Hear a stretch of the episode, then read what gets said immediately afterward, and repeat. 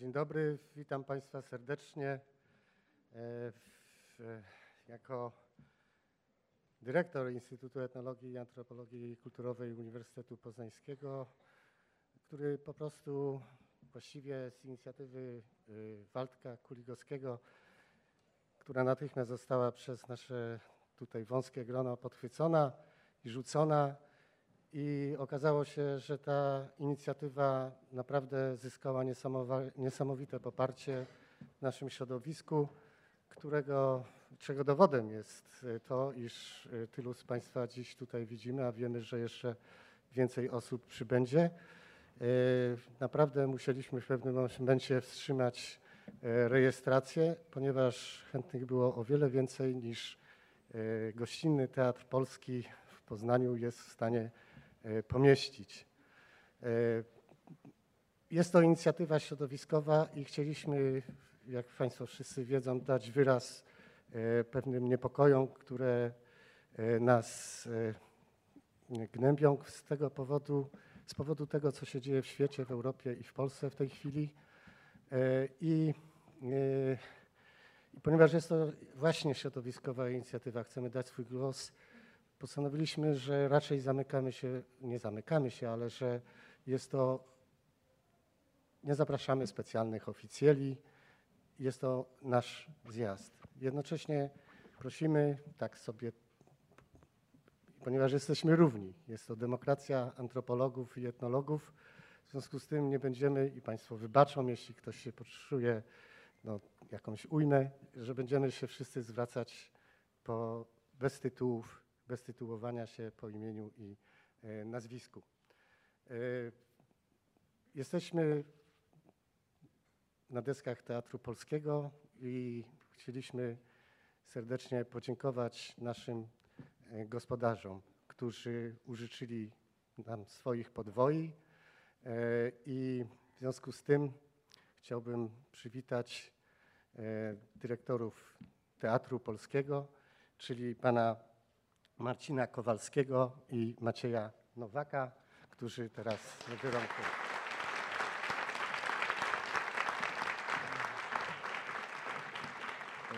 Dzień dobry Państwu. Bardzo miło nas, e, nam Państwa przywitać w Teatrze Polskim w Poznaniu. Wspólnie z Maćkiem rok temu, obejmując, e, ponad rok temu, obejmując dyrekcję tego teatru, za cel sobie główny stawialiśmy e, to, żeby to miejsce było miejscem otwartym na wszelkiego ro- rodzaju dyskusje, żeby to było miejsce otwarte i zdecydowane przeciwnie wszelkim, e, wszelkiego rodzaju dyskryminacjom, w związku z czym Państwa inicjatywa, no nie wyobrażam sobie, że mogłaby się odbyć e, w innym miejscu niż nasz teatr. E, Teatr Polski w Poznaniu to najstarszy nieprzerwanie działający teatr w Polsce. Powstał z inicjatywy społecznej w roku 1875. E, Tak długiej materialnej tradycji nie ma żaden inny teatr, ani narodowy w Warszawie, ani stary e, w Krakowie, więc e, bardzo jesteśmy dumni, że tu możemy pracować i dumni, że możemy tego typu inicjatywy jak ten Państwa zjazd tutaj gościć. Poza tym zwracam uwagę, że to jest najbardziej polski z polskich teatrów. Kowalski, Nowak go prowadzą. Owocnych obrad życzę. Dziękuję. Jeszcze, jeszcze raz dziękujemy. Poproszę teraz o zabranie głosu przewodniczącego Rady Miasta Poznania, pana Grzegorza y, Ganowicza, który jest tutaj nie tylko y, z powodów oficjalnych, ale także dlatego, że dzięki niemu y, ten zjazd też spotkał się z przychylnym przyjęciem i wsparciem. I widzę, że idzie od razu z nim pani Marta Mazurek, która jest pełnomocniczką do spraw równości w Urzędzie Miasta Poznania. No jeśli chcecie Państwo w duecie, to bardzo proszę. Dzień dobry Państwu. Też pomyśleliśmy, że też tą oficjalną część Państwu e, ograniczymy i spróbujemy przywitać Państwa wspólnie. E, Ja witam Państwa serdecznie w Poznaniu. Cieszę się, że Państwo wybrali Poznań, żeby rozmawiać o temacie tak ważnym dla nas wszystkich, bo e, rozmaitego rodzaju dyskryminacji doświadczamy, myślę, wszyscy na różnych poziomach. To się dzieje wszędzie, czasem w rodzinie, bardzo lokalnie, w kraju, w wymiarze międzynarodowym, a, a, bardzo często wynika z e, nieporozumień, które w efekcie prowadzą bardzo często do konfliktów, których na samym początku tego procesu się sobie nie wyobrażamy. Dlatego ta rozmowa jest e, bardzo ważna i dziękuję Państwu, że wybrali Poznań na to miejsce, w której ta dyskusja ważna się odbędzie. Jeszcze raz witam i życzę dobrze spędzonego dnia. Ja może najpierw e, w imieniu e, prezydenta miasta Poznania Jacka Jaśkowiaka, który również otrzymał e, zaproszenie na to dzisiejsze wydarzenie, za które bardzo dziękuję. Kilka słów, to jest ważne. Poznań od początku tej prezydentury i tego czasu, kiedy jesteśmy, między innymi bycie czy powołanie stanowiska pełnomocniczki do spraw przeciwdziałania wykluczeniom jest tego również em, efektem. Jesteśmy miastem otwartym, otwieramy się i miejsce albo rola uniwersytetu, y, naukowców, naukowczyń, badaczy i badaczek, y, to jest rola otwierania y, umysłów, przybliżania tego, co obce, tego, co może budzić lęk. Dlatego ży, życzymy, tak, czy życzę w imieniu prezydenta owocnych obrad i też mm, przekazywania, życzę też takiego daru przekazywania, mówienia do ludzi, e, żeby łagodzić te lęki, które się mogą, mm, mogą e, tworzyć. A teraz jeszcze trochę w imieniu swoim. Moja ukochana pisarka Alice Walker, mm, czarna Amerykanka, e, kiedyś zbierała materiały do takiego opowiadania, które chciała napisać o voodoo. E, I szukała mm, takich e, wiadomości czy informacji etnograficznych wśród etnologów e, i znajdowała tylko mm, białych autorów, e, którzy, jak czuła, traktują e, społeczność czy społeczności zamknięte, te afroamerykańskie, e, z, z takim pewnym pobłażaniem i z góry. I kiedyś e, znalazła w przypisie nazwisko Zora Neale Hurston i e, przeszukała e, biblioteki, e, to było w latach 70., przeszukała biblioteki i zobaczyła, że była w latach 30. taka etnolożka, zresztą koleżanka uniwersytecka Margaret Mead, która później została zapomniana. Odkryła e, e, pisma tej etnolożki, etnografki, następnie znalazła miejsce jej pochówku na cmentarzu komunalnym zarośnięte trawą. E, Doprowadziła do tego, że e, dzisiaj, e, że powstał e, grób Zory Neale Hurston. Dzisiaj jest to miejsce pielgrzymek, a Zora Neale Hurston została również odkryta jako pisarka. Wspaniała, dzisiaj kan- e, kanoniczna autorka powieści Ich oczy oglądały Boga. Ta powieść dzisiaj jest na każdej liście e, e, w koledżach amerykańskich, na liście obowiązkowej. Więc życzę Państwu e, tego, żebyśmy odkrywali, odkrywali tę inność, która być może i odsłaniali przed innymi, która być może jest jakoś zakryta, może jest jakoś z pobłażaniem traktowana i przez to wzbudza niezrozumienie. Dziękuję bardzo, życzę owocnych obrad.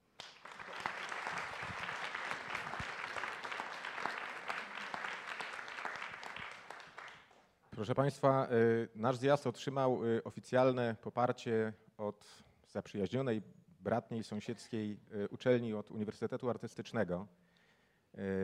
Stąd prace, które możecie Państwo w foyer oglądać. Nie jestem pewny, czy na sali jest prorektor Uniwersytetu, profesor Maciej Kurak, który był anonsowany. Jeśli jest, to prosimy, żeby coś do nas powiedział. Może nie zdążył dojechać. Ale za poparcie dziękujemy. Znam naszą komunikację, to mógł nie dojechać. Y, Proszę Państwa, y, musieliśmy jakoś ustrukturyzować tę sesję i tak y, z inicjatywą, jak wspomniałem, wyszedł Ośrodek Poznański, ale wsparcie uzyskaliśmy od bardzo wielu instytucji i dlatego w kolejnej części głos zabiorą przedstawiciele tych instytucji. To będą bardzo krótkie oświadczenia, nie więcej niż 4, no 5 minut to już będziemy zrzucać ze sceny. E, Musimy się zmieścić w czasie, E, ale najpierw e, o przedstawienie idei zjazdu poproszę Waldka.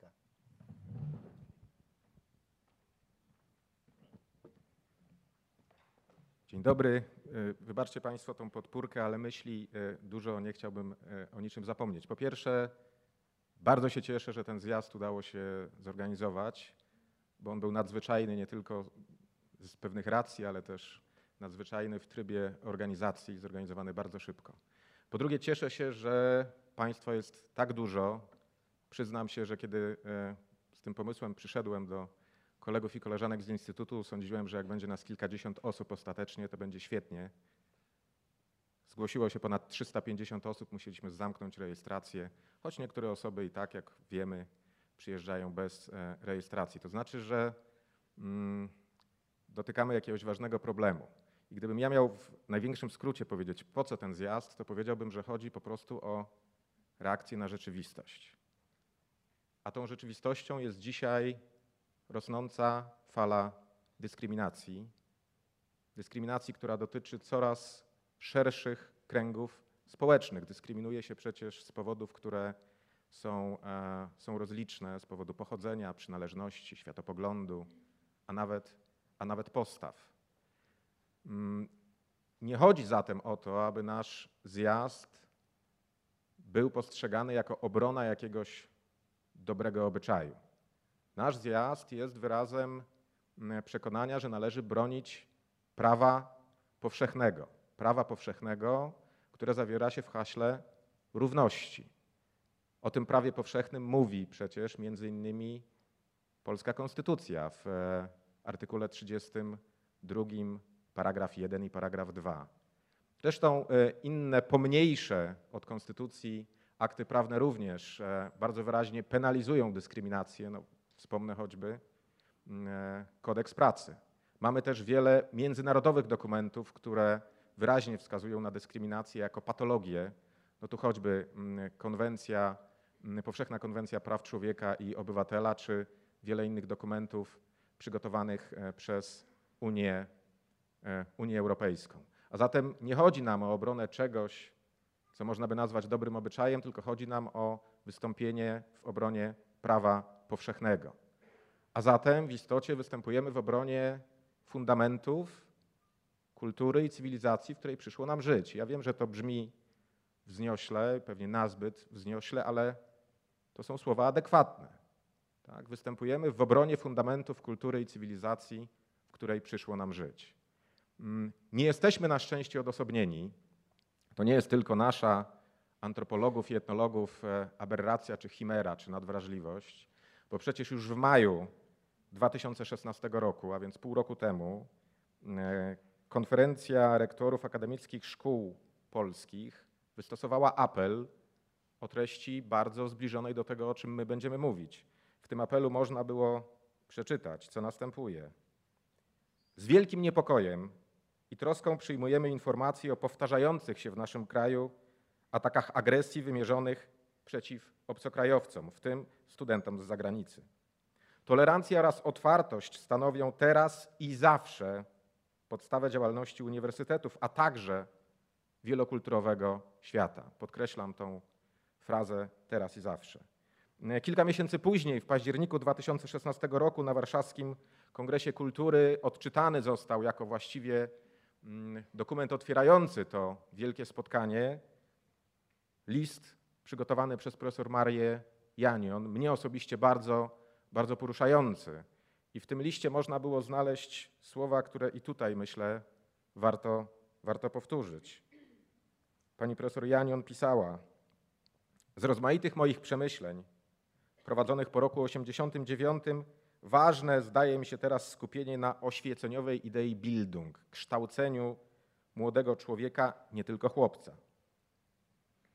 Formującym osobowość przez kulturę i sztukę, ucząc młodych ludzi rozumienia, uczymy ich wyrastania ponad siebie, jako odruchu etycznego i empatycznego. Przed nami trudne lata, wiem o tym. Okrzyk tu jest Polska. Przyznam, szczerze mi obrzydł. Wierzę, że nie będzie dzisiaj wznoszony. Ja z e, wielką ochotą i wielkim przekonaniem powtórzę, że mi ten okrzyk tu jest Polska również obrzydł.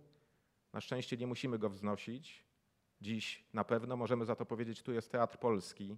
I przypomnę to, o czym mówili dyrektorzy. Znajdujemy się w najdłużej nieprzerwanie działającym gmachu teatralnym w Polsce. Teatrze, który został zbudowany w bardzo specyficznym momencie historii. mm, kiedy szalał Kulturkamp, kiedy swoją politykę germanizacyjną z wielkim powodzeniem, jak się wydawało, wdrażał Otto von Bismarck, a jednak dzięki oddolnemu, spontanicznemu ruchowi ludzi zamieszkujących wszystkie zabory powstała ta instytucja kultury, która w Prusach okazała się dla Polaków najważniejsza. I to, co jeszcze wydaje się w tym kontekście symbolicznie ważne, na fasadzie teatru, w którym teraz jesteśmy, znajduje się na, napis Naród sobie. Myślę, że, że pewna interpretacja tego, co tutaj dzisiaj robimy, może się dzięki tej fasadzie również uwyraźnić. Proszę Państwa, wokół nas dzieją się rzeczy niedobre, rzeczy złe i rzeczy coraz, coraz bardziej dramatyczne. No i cisza już nam w niczym nie pomoże. Nie warto się już odwracać. Wiemy od poety, że wszyscy byli odwróceni i czym to się skończyło. W Polsce, ale też w wielu krajach łamie się podstawowe prawa człowieka, w tym prawo powszechne dotyczące równości, o którym mówiłem. Potrzebujemy w związku z tym cywilnej odwagi, jakkolwiek antropologowie, przyznajmy, nigdy nie byli w tym zbyt dobrze. Ale potrzebujemy jej dzisiaj. A nie byliśmy zbyt dobrzy, bo, jak sądzę, z powodu naszego metodologicznego skrzywienia relatywizmem kulturowym zawsze chcieliśmy być w środku i na zewnątrz, a to na zewnątrz jest dość wygodne. Ale nadszedł czas, kiedy już teraz sobie na to pozwolić nie możemy. Sami Państwo wiecie, dzięki badaniom prowadzonym e, na całym świecie, że dyskryminacja jest e, takim mechanizmem, który raz sprawiony w ruch wyłącznie się utrwala, umacnia i napędza i właściwie zamienia się w system. A kiedy dyskryminacja stanie się systemem, no to właściwie będzie za późno na, na cokolwiek. Stąd pomysł na ten zjazd, stąd raz jeszcze moja wielka satysfakcja, radość, że tylu z Państwa e, postanowiło odpowiedzieć na to e, pozytywnie. Mam nadzieję, że nie ograniczymy się wyłącznie do mówienia, choć to jest też nasza domena, ale że dzięki chyba głównie dyskusjom w drugiej tej dyskusyjnej części zjazdu wypracujemy też jakieś praktyczne metody reagowania na to, co się wokół nas dzieje, na te rzeczy złe i straszne. Korzystając z okazji i kończąc już e, mówienie o tym, dlaczego ten zjazd postanowiliśmy zorganizować, chciałbym odczytać list, który w, otrzymaliśmy od e, starosty poznańskiego Jana Grabkowskiego, który napisał między innymi Zapewniam Pana oraz wszystkich uczestników zjazdu o swoim pełnym poparciu dla Państwa działań w tej sprawie, w sprawie dyskryminacji. Tolerancja należy do najważniejszych wartości kultury europejskiej. Wszyscy dzisiaj jesteśmy świadkami, jak trudne jest to, co udało się wypracować przez wieki. Stanowczy sprzeciw wobec dyskryminacji, manipulacji i wszelkich form przemocy jest obowiązkiem nas wszystkich. E, na zakończenie jeszcze krótka informacja e, techniczna. Tutaj Państwo, goście e, w pewnej ustalonej kolejności będą, będą występować, a po tym jak skończą, to prosimy, aby podchodzili do manifestu, który chcemy uczynić najważniejszym dokumentem tego zjazdu. Na stoliku obok leżą czarny i czerwony długopis i żeby tam składać podpisy. Ostatecznie wszyscy członkowie e, nadzwyczajnego zjazdu też zostaniecie Państwo poproszeni o złożenie podpisu, ale najpierw każdy z Państwa, kto skończy, prosimy, żeby się tam podpisał. Dziękuję.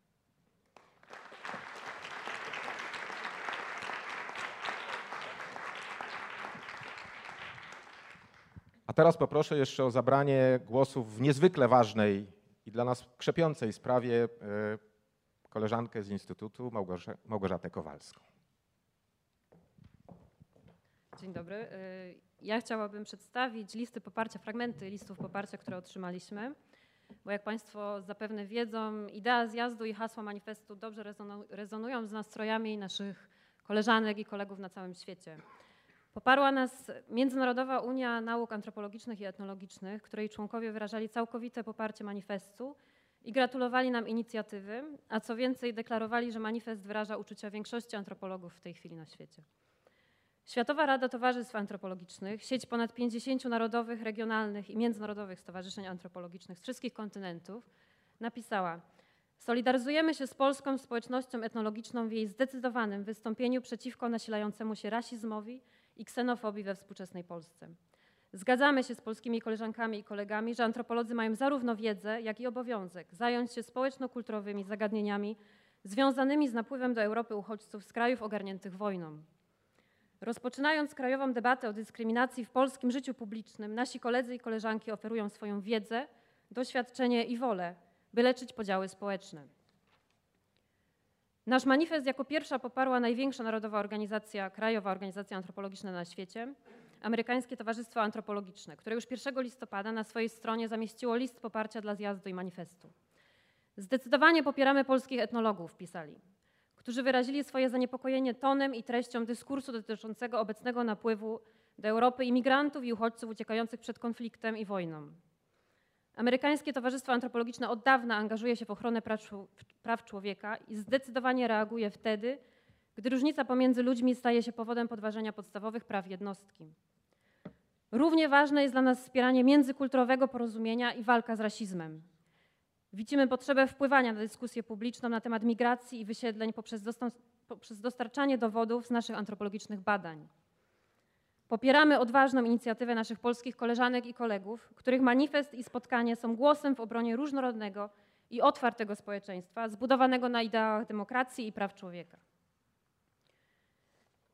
Europejskie Towarzystwo Antropologów Społecznych także popiera antydyskryminacyjną inicjatywę polskich antropologów i etnologów.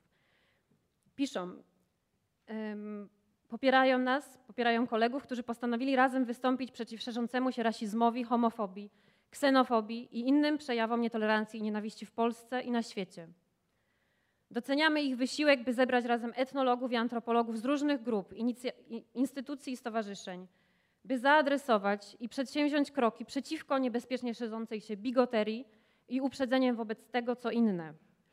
Jako członkowie Europejskiej Organizacji jesteśmy szczególnie zaniepokojeni nasilaniem się tych zjawisk w Europie, która sama niedawno otrząsnęła się z konsekwencji i cierpień II wojny światowej. Sprzeciwiamy się retoryce antyimigracyjnej połączonej z nietolerancją wobec innego, budzącej irracjonalny strach i prowadzącej do działań politycznych, które zagrażają pluralizmowi i demokracji w Europie. Podobne wyrazy solidarności i poparcia otrzymaliśmy też od francuskiego Stowarzyszenia Antropologów, francuskiego Stowarzyszenia Etnologii i Antropologii, kanadyjskiego Towarzystwa Antropologicznego, włoskiego Stowarzyszenia Antropologów Kulturowych Akademików, Filipińskiego Towarzystwa Antropologicznego, Antropologii Południowoafrykańskiej, Towarzystw Antropologicznych w Chinach, Indiach, w Szwecji i w Serbii, Instytutu Etnologii i Folklorystyki oraz Muzeum Etnograficznego Bułgarskiej Akademii Nauk, Instytutów Antropologicznych Uniwersytetu w Manchesterze, w Kent, Goldsmith w Londynie, Francuskiego Stowarzyszenia Euretno oraz Argentyńskiego Stowarzyszenia Absolwentów Antropologii. Listy tych instytucji, listy poparcia będzie można zobaczyć właśnie na prezentacji za mną. Dziękuję bardzo.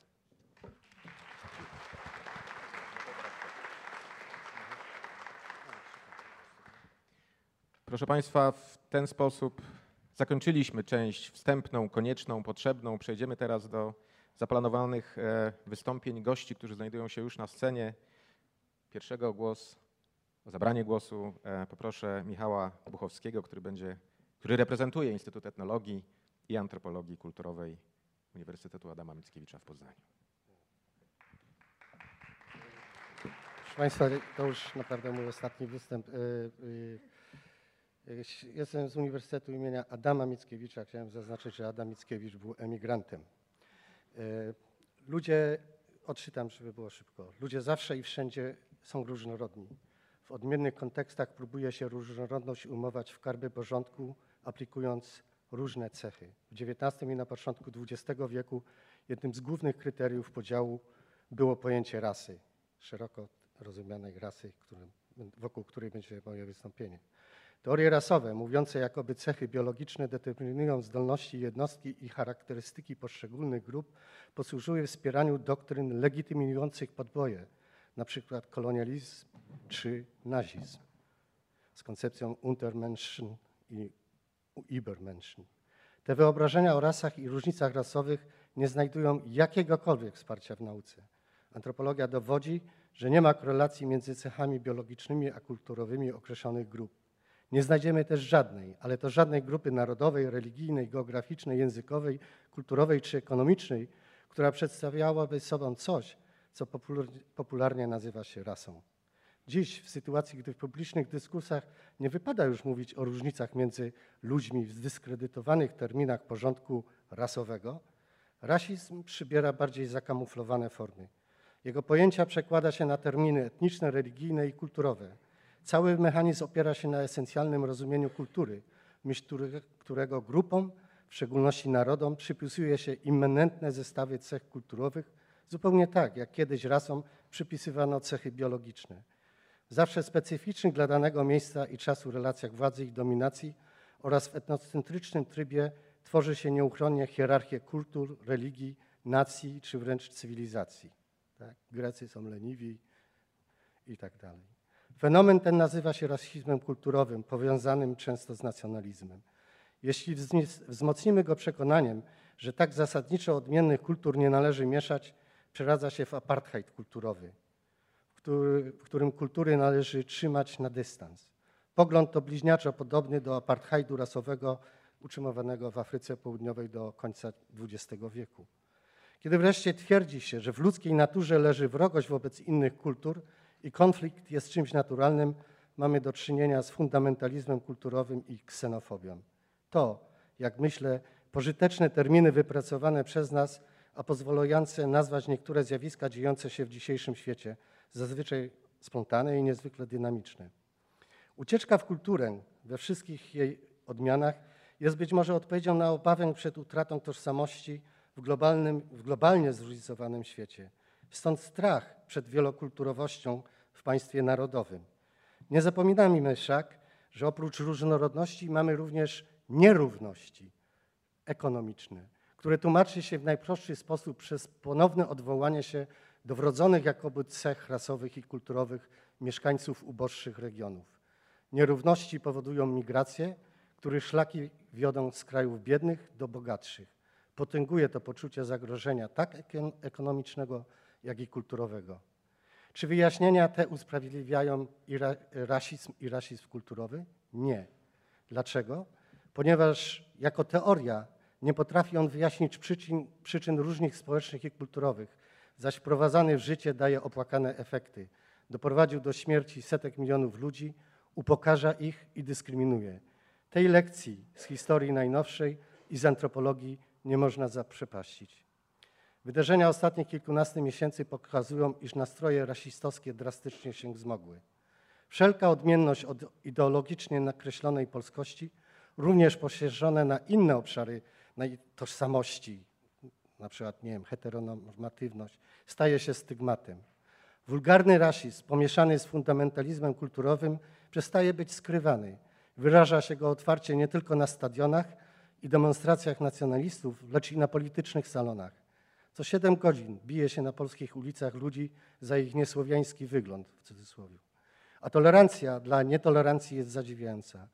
Rasizm kulturowy i apartheid kulturowy głoszony w imię wyimagino- wyimaginowanej jedności narodu i religijnej nietolerancji nakazuje odgradzać się od innych, trzymać ich z dala od Polski.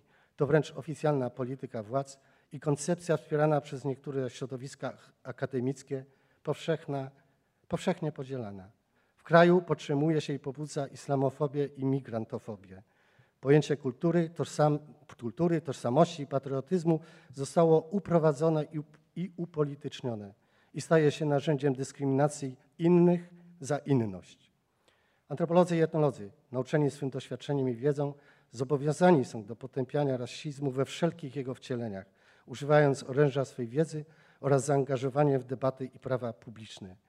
Nie może być naszej zgody na dyskryminację nawet wtedy, gdy myśli tak przytłaczająca większość. Nie zawsze sprawdza się maksyma, że vox populi, vox dei. Dziękuję. Podpis. Teraz poproszę, aby w imieniu Komitetu Nauk Etnologicznych Polskiej Akademii Nauk e, głos zabrał Wojciech Burszta.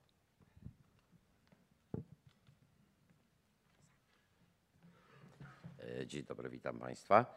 Ja nie mam tak elegancko przygotowanego wystąpienia, ale chciałem powiedzieć, e, e, mając e, bardzo niewiele czasu, e, o dwóch rzeczach. Przede wszystkim e, bardzo się cieszę oczywiście, że, że doszło do tego naszego spotkania, ale ja chciałbym je widzieć jako zaczyn dopiero, początek, właściwie o wiele szerszej takiej obywatelskiej inicjatywy, konfederacji, nie wiem jak to nazwać, e, na- rzecz e, e, e, tych wszystkich e, spraw, o których e, e, Michał mówił e, przed chwilą, o których będziemy e, dyskutowali. E, Chodzi mi o to, że e, kwestia dyskryminacji, kwestia, e, kwestie e, rasizmu, ksenofobii i te wszystkie negatywne zjawiska, z którymi mamy do czynienia, one są tylko e, e, e, skutkiem, one są tylko konsekwencją pewnej, pewnego głębszego procesu, który się zresztą w całej Europie dokonuje, a w Polsce od kilkunastu miesięcy z ogromnym nasileniem, mianowicie pewnej nowej koncepcji także wychowania obywatela, wychowania Polaka, jak się mówi. I to jest taka koncepcja, która, żeby posłużyć się terminem ukochanej przeze mnie Marty Nussbaum, wybitnej filozofki, takiej obrończyni e, e, kształcenia humanistycznego, e, ona nazywa to no, e, takim e, szowinizmem opisowym. E, I e, o co tu chodzi? O to chodzi, że mm, e, to, o czym my tutaj mówimy, to jest e, oczywiście to są bardzo ważne rzeczy, które dzieją się w przestrzeni e, społecznej, publicznej. E, Natomiast e, e, za tym wszystkim stoi całkiem konkretna koncepcja kształcenia młodych ludzi, kształcenia w imię patriotyzmu, czyli nowa, nowe programy historii, kształcenia literaturoznawczego, popierającego, znaczy wskazującego na, na, na, na rzeczy, które znać trzeba, które, które nie i tak dalej, i tak dalej. Również jeśli chodzi o, o kw- kwestie związane z mediami, e, także wyraźnie to widać. W każdym razie y, rodzi się taki na punkcie, y, na, na podstawie tego, y, tego szowinizmu opisowanego, y, opisowego, czyli takiego, który w centrum stawia oczywiście nasz kraj, nasz naród i im e, e, inne zjawiska, o których się mówi, różnią się od tego e, kanonu, który się przyjmuje, że jest nasz najważniejszy, najpiękniejszy, tym się niżej ocenia albo, albo mm, deprecjonuje ową, ową inność we wszystkich dziedzinach, nie tylko tych, o których my mówimy, ale także e, w sferze e, e, procesów historycznych, w sferze mm,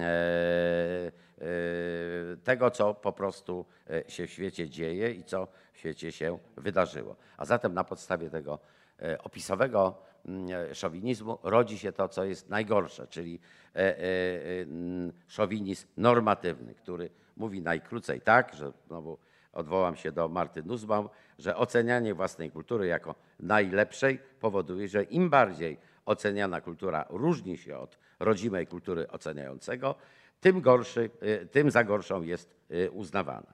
I e, to jest coś, co wymaga monitorowania, bo te programy się dzieją. Mam, mam przyjemność prowadzić od kilku lat badania nad wizją narodu polskiego w podręcznikach do historii po 1989 roku. I wiem, o czym, o czym mówię i e, patrząc przyszłościowo, musimy ten aspekt bardzo uwzględnić. Zatem chciałbym powiedzieć tak, że, że e, mam nadzieję, że nasz e, zjazd będzie, jak powiedziałem na, na wstępie, takim zaczynem, że w, e, w tę debatę włączą się inne środowiska.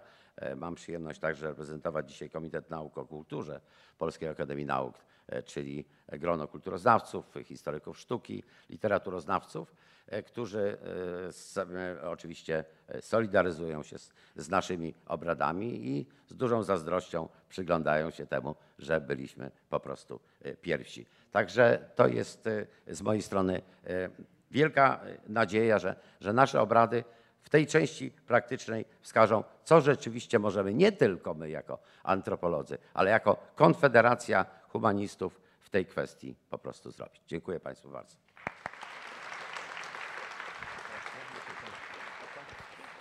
W imieniu Polskiego Towarzystwa Ludoznawczego głos zabierze Kasia Majbroda.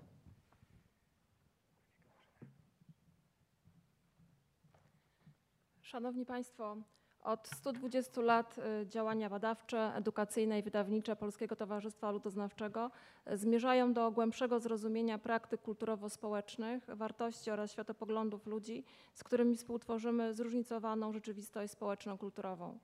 Stanowią także realizację idei humanizmu leżących u podstaw demokracji, która wedle Marty Nussbaum potrzebuje obywateli z umiejętnością krytycznego myślenia, zdolnością przekraczania lokalnych uwarunkowań i traktowania globalnych problemów z perspektywy obywatela świata oraz umiejętnością empatycznego wyobrażania sobie postawy innej osoby.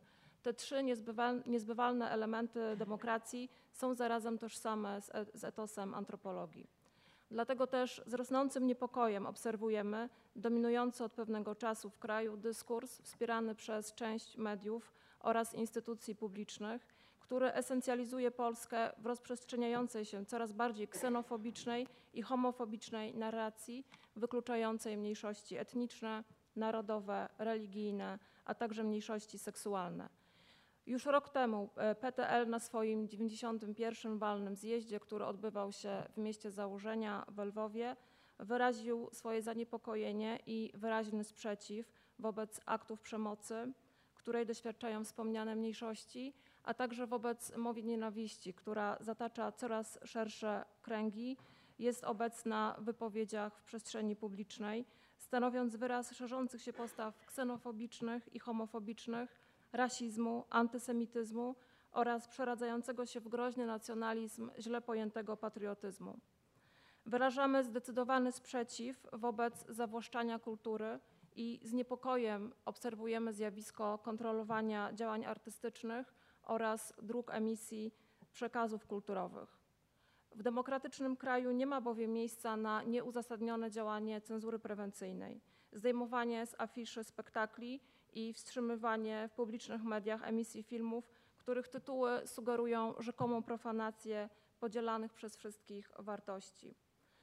Jesteśmy przekonani, że dbałość o rodzimą kulturę i tradycje nie musi oznaczać koncentracji na kultywowaniu wartości ekskluzywnych, bo wykluczających niektóre grupy i jednostki ze względu na ich wybrane cechy. Nie może też oznaczać dosłownego i przenośnego pielęgnowania izolacji kulturowej, homogenizacji tego, co różnorodne, wytwarzania wartościujących hierarchii, które lokują mniejszości w pozycji podporządkowanych. W demokratycznym kraju akty publicznego znieważania mniejszości etnicznych, narodowych i seksualnych powinny być traktowane jako przestępstwo, które uderza w pryncypia humanizmu, fundamenty demokracji. W tym kontekście niepokoi nas wytwarzana przez rządzących, a więc z pozycji autorytetu, narracja o aktach terroryzmu w krajach europejskich jako konsekwencji polityki określanej, em, określanej etykietą multikulti oraz poprawności politycznej, która jest e, waloryzowana w sposób negatywny. W związku e, z tymi zjawiskami w Polsce szczególnie napiętnowani są dzisiaj muzułmanie, a także migranci i uchodźcy, którzy stają się ofiarami przemocy nie tylko symbolicznej, ale także fizycznej. Doświadczają jej także Romowie, Żydzi, osoby czarnoskóre, ostatnio także te o ciemniejszej karnacji, mniejszości religijne i seksualne. Jako antropolodzy ostrzegamy, iż podobne praktyki dyskursywne, godzące w prawa człowieka, miały miejsce w czasach narodzin najokropniejszych, otwarcie dehumanizujących ludzi systemów. Doprowadziły do aktów ludobójstwa i czystek etnicznych. Zwracamy uwagę na konieczność monitorowania takich zachowań, publicznego i medialnego ich ujawniania, a także, co wydaje się najtrudniejsze, ale niezwykle istotne, dostrzegamy pilną potrzebę wypracowania w środowisku antropologicznym mechanizmów i strategii przeciwdziałania tym praktykom. Towarzyszy temu przekonanie, że środowisko antropologiczne w Polsce posiada kapitał symboliczny, dzięki któremu jeszcze wyraźniej mogłoby zabierać głos w przestrzeni publicznej. Jako towarzystwo naukowe dbające o etos etnologii oraz upowszechnianie ogólnohumanistycznych wartości, wzywamy osoby będące u władzy, środowiska opiniotwórcze, jak i całe społeczeństwo do pielęgnowania postaw płynących z przyjęcia zasad humanizmu, który jest podstawą demokracji, jak również obowiązującej w Polsce konstytucji. Wzywamy do upowszechniania postaw solidaryzmu społecznego, otwartości i tolerancji. Wzywamy do pogłębionej refleksji nad edukacją, która jest potężnym narzędziem e, społeczno-kulturowego urządzania społeczeństwa. Dostrzegamy konieczność wypracowania polityki edukacyjnej, która będzie emancypowała z ksenofobii i homofobii, dzięki której łatwiej będzie zapobiegać aktom przemocy i mowie nienawiści w przyszłości, zmierzając do tworzenia mostów tam, gdzie dzisiaj wznoszone są bariery światopoglądowego separatyzmu, niechęci i nienawiści wobec odmienności. Dziękuję.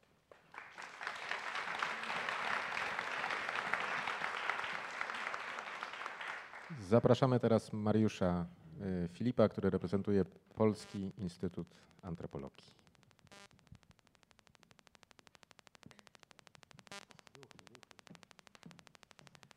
Dzień dobry Państwu. Zostałem poproszony o czytanie y, listu y, sporządzonego przez prezesa API i panią wiceprezes, to znaczy Arkadiusza Będkowskiego i panią Justynę Jasionowską. Polski Instytut Antropologii jako niezależna jednostka jest prawnie zobowiązany do działań zmierzających y, przeciw działaniu szeroko pojętej dyskryminacji. Zobowiązania te wynikają z zapisów statusu, statutu Instytutu, a w szczególności z takich przyjętych celów działalności jak wspieranie poszanowania i rozwoju wiedzy na temat wielokulturowego społeczeństwa, polegające na dostarczaniu na ten temat wiedzy, informacji, publikacji i dydaktyki. Wykorzystywanie wiedzy antropologicznej w budowaniu społeczeństwa obywatelskiego i w przeciwdziałaniu dyskryminacji obywateli ze względu na ich odmienną kulturę, pochodzenie etniczne, wyznawaną religię. Upowszechnianie i, ochrania, i ochronie wolności i praw człowieka oraz swobód obywatelskich działaniach na rzecz integracji oraz rozwijania kontaktów i współpracy między społeczeństwami. Jako niezależny instytut wyrażamy opinię, iż y, wszelkie działania zmierzające do realizacji przedstawionych w manifestie zjazdu postulatów łączą się ze zwiększeniem obecności i znaczenia antropologii w dyskursie publicznym. Dlatego Polski Instytut Antropologii niejednokrotnie podejmował działania zmierzające do zwiększenia roli antropologii w debacie o demokracji i prawach człowieka, aby wspomnieć m.in. takie projekty jak Piaskownica, swawole z antropologią, e, których celem była popularyzacja etnologii, szczególnie wśród warszawskich licealistów, w tym podkreślanie wielokulturowości społeczeństw. Spotkania z antropologią, interdyscyplinarne dyskusje. E, Tutaj wśród poruszanych tematów znajdowały się takie zagadnienia jak nauka i konieczność tolerancji w stosunku do osób odmiennych etnicznie, osób innych wyznań czy preferencjach seksualnych. Podkreślano także rolę antropologii w dyskursie publicznym. Kolokwia antropologiczne. Część y, wykładów y, była poświęcona zagadnieniom bliskim postulatom y, manifestu. Pierwszy kongres antropologiczny. Wybrane panele i wystąpienia w sposób bezpośredni przyczyniały się do dyskusji na temat dyskryminacji czy wielokulturowości społeczeństw. Warto tutaj wymienić takie panele jak chociażby antropologia ciała, antropologia płci i seksualności, antropologia religii, antropologia zaangażowana krytyczna, antropologiczne badania nad tożsamością. Polish Anthropology Day e, w Londynie. e, Niektóre wystąpienia warte wymienienia, to pozwolę sobie odczytać tylko tytuły. Borderlands and Cul- Transcultural Relations, e, Anthropology and Gender Queer Studies in, con- in Contemporary Poland, Engaged Anthropology and Public Anthropology. I wreszcie warsztaty Wielokulturowość z perspektywy etnografii i animacji społeczno-kulturalnej. Ostatnie zdanie, proste, krótkie i dobitne. W pełni popieramy ideę zjazdu, jednocześnie dziękując za zaproszenie Polskiego Instytutu Antropologii do współorganizowania tak ważnego wydarzenia. Dziękuję bardzo.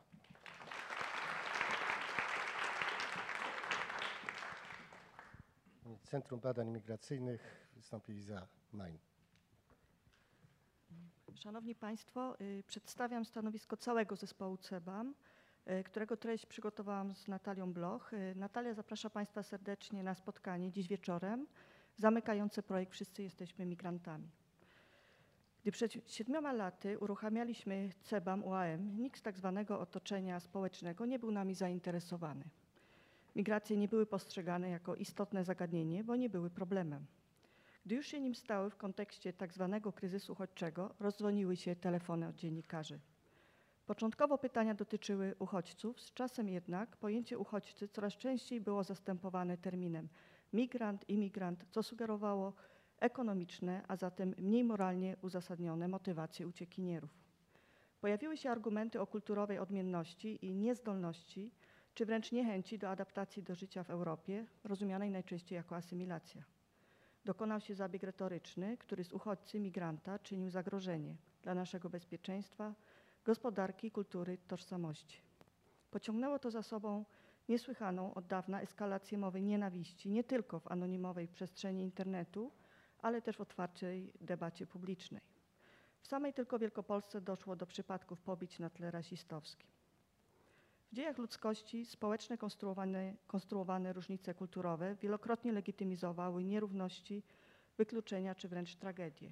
Jako dyscyplina szczególnie wrażliwa na takie praktyki winniśmy ukazywać wiodące mechanizmy takiego wytwarzania inności, poszukiwać odpowiedzi na pytanie, kto tworzy ten dyskurs i czemu retoryczna nienawiść skierowana przeciw innym ludziom ma służyć. I co ona mówi o nas. Dziś pierwszoplanowym innym wydaje się być migrant, uchodźca, często utożsamiany z muzułmaninem. Y, W takiej rzeczywistości próbujemy jako Centrum Badań Migracyjnych realizować działania, które wychodzą poza mury Akademii. Działania naszego zespołu mają na celu poprawę sytuacji cudzoziemców w Poznaniu oraz zmianę stosunku społeczności Poznania do przybyszy gości. Po kilkuletnich badaniach sytuacji cudzoziemców w Poznaniu stwierdziliśmy, że jedną z najważniejszych trudności był brak wiedzy na temat polskiego prawodawstwa oraz wsparcia ze strony instytucji. Odpowiadając na te potrzeby, ponad trzy lata temu otworzyliśmy Migrant Info Point, czyli punkt dla cudzoziemców, który oferuje im wsparcie informacyjne i doradcze dotyczące legalizacji pobytu i pracy, edukacji, ubezpieczeń, rynku nieruchomości, transportu, usług.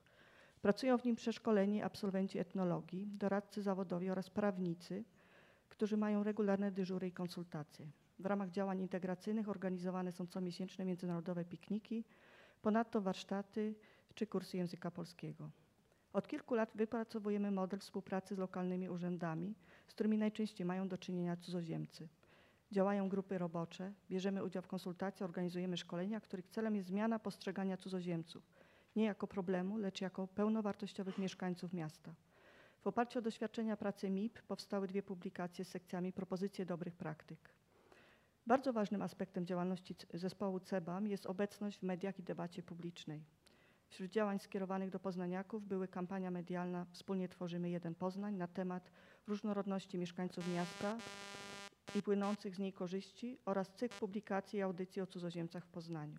Uczestniczymy w spotkaniach, dyskusjach, pokazach filmów, a także sami je organizujemy. Dziś odbędzie się wspomniane już spotkanie w ramach projektu Natalii Bloch Wszyscy jesteśmy migrantami, listy polskich emigrantów z Ameryki z końca XIX wieku, na który składa się wystawa, wykłady, lekcje dla gimnazjalistów, licealistów.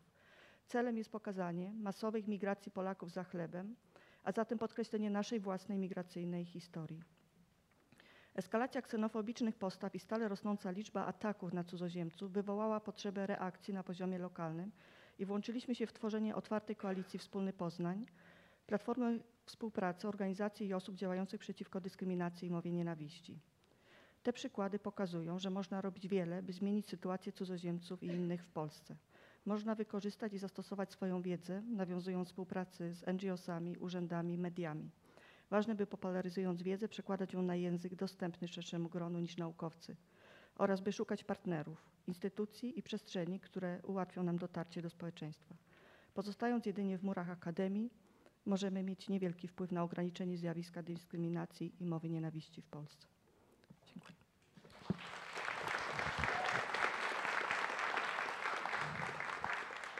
Instytut Etnologii i Antropologii Kulturowej Uniwersytetu Śląskiego w Cieszynie reprezentuje Ania Druszcz. Zapraszamy.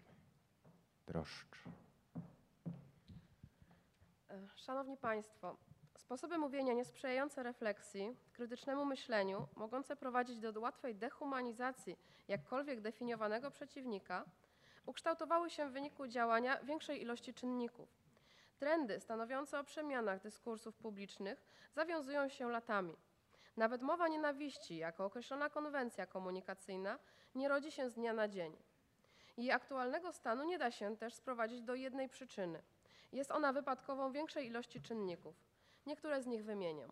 Po pierwsze, jednym z niepokojących zjawisk jest nasilający się przerost rytuałów słownych w dyskursie publicznym. Odwołując się do kategorii Bazyla Bernsteina, mamy tu do czynienia z przerostem kodu ograniczonego na niekorzyść y, kodu rozbudowanego. Rytuał słowny, jako przypadek stosowania kodu ograniczonego, dominuje w komunikacji schierarchizowanej, a jego podstawową funkcją jest właśnie potwierdzanie schierarchizowanych ról społecznych. W ramach podobnych rytuałów mówimy więc między innymi po to, żeby demonstrować, iż mamy przywilej mówienia, nie po to, żeby cokolwiek powiedzieć. Debaty publiczne, a nieraz także akademickie, łatwo przeradzają się w spektakle słowne, których uczestnicy odgrywają tylko role przewidziane dla nich w strukturze debaty. Podobne spektakle, poza tym, że dostarczają nam estetycznych doznań, potwierdzają z góry znane postawy. Pozycje społeczne prowadzą do potwierdzenia wcześniej znanych wniosków. W ten sposób reprodukuje się swoista kultura wzniosłego bełkotu. Po drugie, Innym czynnikiem, który zagraża publicznemu dyskursowi, są style niedookreśloności, znaczeniowej rozmytości. Ich cechą charakterystyczną jest stosowanie semantycznie pustych haseł, przez co nadawca pozostawia odbiorcy nieograniczoną swobodę w odbiorze wypowiedzi. Odbiorca sam wypełnia puste hasła treścią na podstawie odwołań do obiegowych skojarzeń, do potocznych mitologii. Za przykład niech posłuży analiza, analizowane przez Naczonskiego hasło Support Our Troops z czasów wojny w Zatoce Perskiej. Co ono oznacza? Może równie dobrze chodzić o nawoływanie do materialnego wspierania naszych żołnierzy, jak i do wspierania władzy, którą oni reprezentują, i to na zasadzie, zasadzie metonimii. Analogicznie można pytać, co ma oznaczać hasło Make America Great Again. Jeśli nie wiemy, czy nadawca ma na myśli wielkość gospodarczą, militarną, moralną, czy może jeszcze inną, co ma oznaczać mrożące krew w żyłach hasło śmierć wrogom ojczyzny? Nie wiemy, czy nadawca tylko y, życzy śmierci takim wrogom, czy mo też może nawołuje do ich likwidacji. Ogólnikowe określenie wrogowie ojczyzny odbiorca sam wypełnia konkretną treścią, oczywiście taką, jaka mu pasuje. Największe niebezpieczeństwo podobnej konwencji komunikacyjnej wiąże się niekoniecznie z tym, co mówimy, lecz z tym, w jaki sposób się wypowiadamy. Stosując styl niedomówień, insynuacji, pustych wypowiedzi, nigdy nie ryzykujemy, że odbiorca nie zgodzi się z naszą wypowiedzią. Pozostawiamy mu tyle, na tyle szerokie możliwości odczytania komunikatu, że zawsze znajdzie się w nim coś dla siebie. Stosując go, można sugerować cokolwiek bez niebezpieczeństwa bycia pociągniętym do odpowiedzialności za wypowiadane treści. I po trzecie, innym czynnikiem prowadzącym do wypierania myślenia refleksyjnego z przestrzeni publicznej jest tak zwana ikonizacja przekazu w ramach komunikacji elektronicznej. Warunkiem zrozumiałości migawkowego tekstu jest system odniesień podzielany przez nadawcę i odbiorcę, a więc wspólnota ram referencyjnych, które podpowiadają, jakim znaczeniem należy tekst opatrzyć. W ten sposób sensy wszystkiego są z góry wiadome. Można tu wręcz mówić o reforfolkloryzacji przestrzeni publicznej, gdzie jednostka przegrywa w starciu z kolektywem.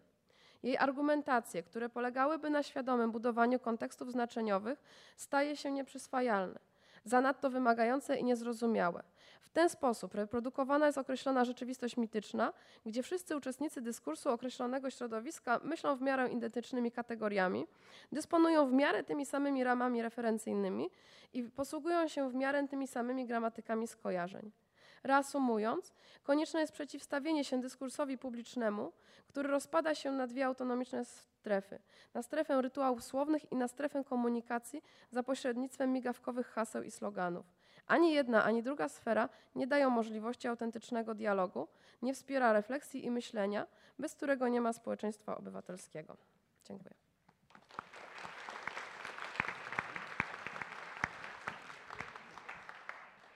Mam przyjemność poprosić Marcina Brockiego z Uniwersytetu Jagiellońskiego. Jagiełło był imigrantem. Ja skupię się w swojej wypowiedzi na podstawach podstaw e, wiedzy etnologicznej. Ja zacznę od kwestii języka. Otóż język nie tylko ten, który używany jest w przestrzeni publicznej, ale język w ogóle tworzy, zmienia rzeczywistość ci, którzy są obdarowani autorytetem, mogą wpływać na sposób widzenia świata innych. Tu leży szczególna odpowiedzialność za słowo w przestrzeni publicznej, gdzie tym słowem, choć oczywiście nie tylko, wpływa się na rodzaj wspólnoty adresatów. Można bowiem budować wspólnotę przez kształtowanie umiejętności krytycznego namysłu nad własnym sposobem myślenia i działania, którą to umiejętność traktuje się jako wartość, zatem włączanie do tej wspólnoty jest włączaniem do wspólnoty wartości można też przez negatywną mitologizację obcego i nadwartościującą mitologizację domniemanego swojego. Ta druga strategia, jako oparta na micie, jest niezainteresowana prawdą sygnowaną wiedzą naukową i jako taka jest groźna dla każdej współczesnej wspólnoty, a ostatecznie promuje budowanie wspólnoty podporządkowanej silnej władzy, którą obdarza się większym autorytetem niż naukę.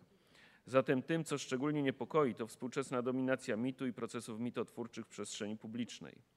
Jan Stanisław Bystroń w Megalomanii Narodowej z 1924 roku opisał tytułowy mechanizm, z którego Ludwik Stoma wyprowadził powszechny mechanizm procesu mityzacji obcego, który w skrócie polega na tym, iż rozpoznaje się konkretne różnice jako znaki obcości, które stają się źródłem po pierwsze postępującej deformacji i deprecjacji obrazu obcego, Po drugie, rozciągania poszczególnych przypadków na całą grupę. Stereotyp przestaje różnicować. I po trzecie, idealizacji historycznej wytwarzającej wrogów odwiecznych, wiekowe prawdy. I oczywiście są też mity odwrotne. Mamy odwiecznych przyjaciół, narody wspaniałe, braci. Mit tworzy tu rodzaj uogólnionej rodziny. Zatem podstawia pod wyimaginowaną dużą wspólnotę, na przykład naród, czyli wspólnotę nie opartą o więzy krwi czy faktyczną znajomość innych, figurę wspólnoty rodzinnej, czyli więzi naturalne. To do niej dziś odwołują się teksty negatywnej mitologizacji obcego, że oto przyjdą, zgwałcą nasze żony i dzieci. Tak wytworzone obrazy naszych i wyobrażenia obcych nie mają nic wspólnego z rzeczywistością, więc i próba ich obalenia przez konfrontację z rzeczywistością nic nie daje.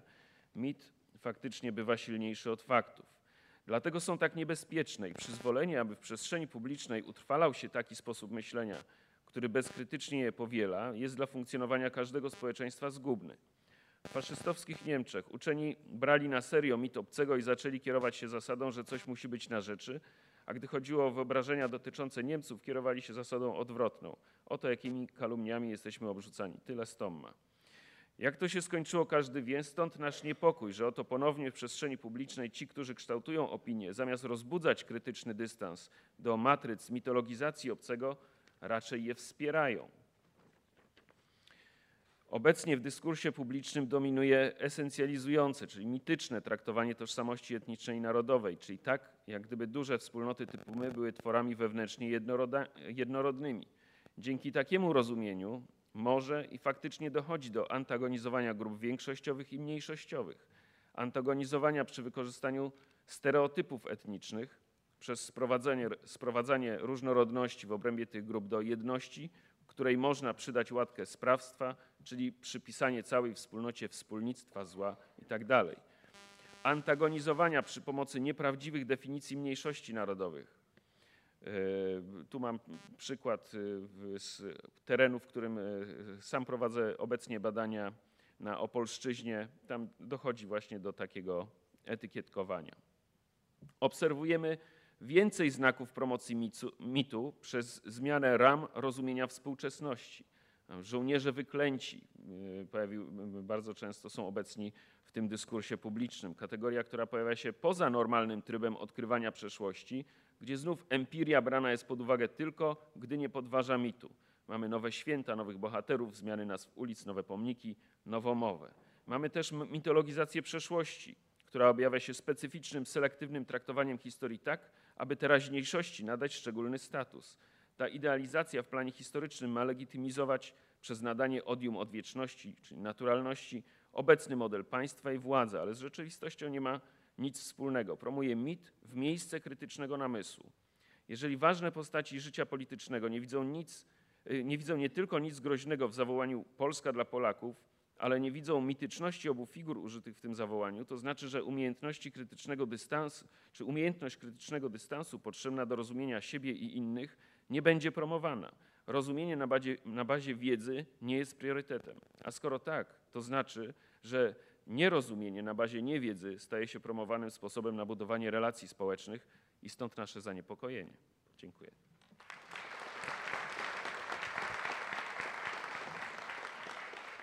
E, zapraszam teraz e, Katarzynę Kaniowską, Instytut Etnologii i Antropologii Kulturowej Uniwersytetu Łódzkiego. Proszę Państwa, cóż jeszcze powiedzieć po tych wszystkich słowach, które tutaj e, padły? Zebraliśmy się w bardzo ważnej sprawie i właściwie mm, powinniśmy się zastanawiać, e, jak e, zaradzić e, temu, czego jesteśmy świadkami. Ja bym chciała zwrócić uwagę na trzy kwestie, które jeszcze tutaj nie wybrzmiały, a które ja postrzegam jako ważne.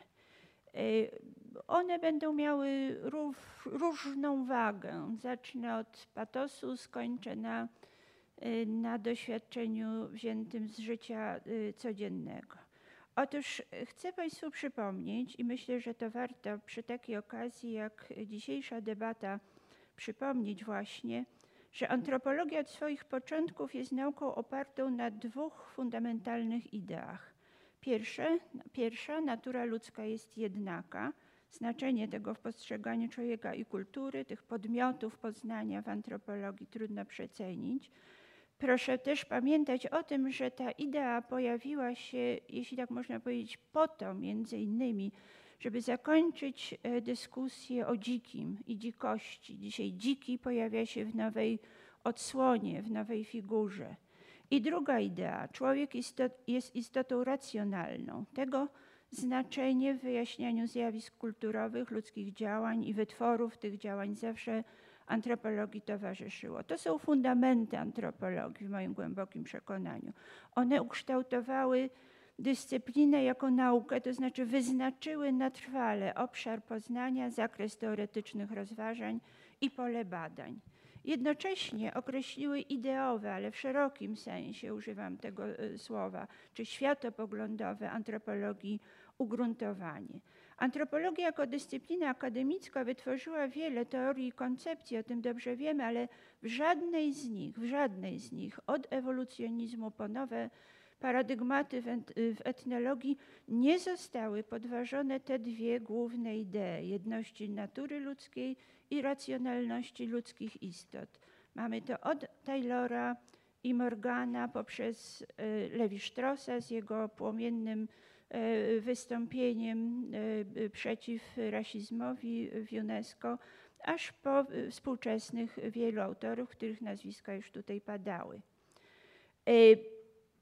To właśnie z tego między innymi powodu, tu myślę mm, o tym, iż warunkuje to także etyczny wymiar antropologicznej wiedzy. Z tego między innymi powodu antropologia, jak cała humanistyka, ze swej istoty nigdy, nigdzie nie, nie mogła, nigdy nie mogła spełnić warunku neutralności aksjologicznej. Z antropologią dzieje się tak w szczególności, bo jest nauką opisującą i wyjaśniającą sposoby doświadczania świata, przeżywania i rozumienia go przez y, różnych ludzi. Po to we współczesnej antropologii włączyliśmy do procesu poznania tak zwane pozalogiczne elementy. Antropologię charakteryzujemy współcześnie jako naukę, która tę różnorodność ma pokazać, to jest ten komponent etnograficzny, e, właściwie rosnący w siłę e, w ostatnich, e, ostatnich latach i uczynić ją zrozumiałą.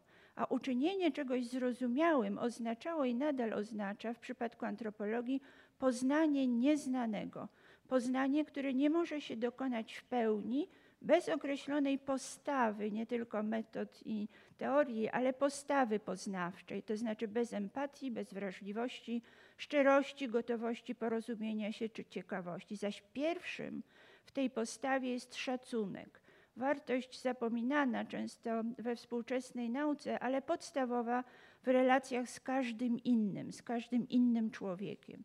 I krótko druga sprawa.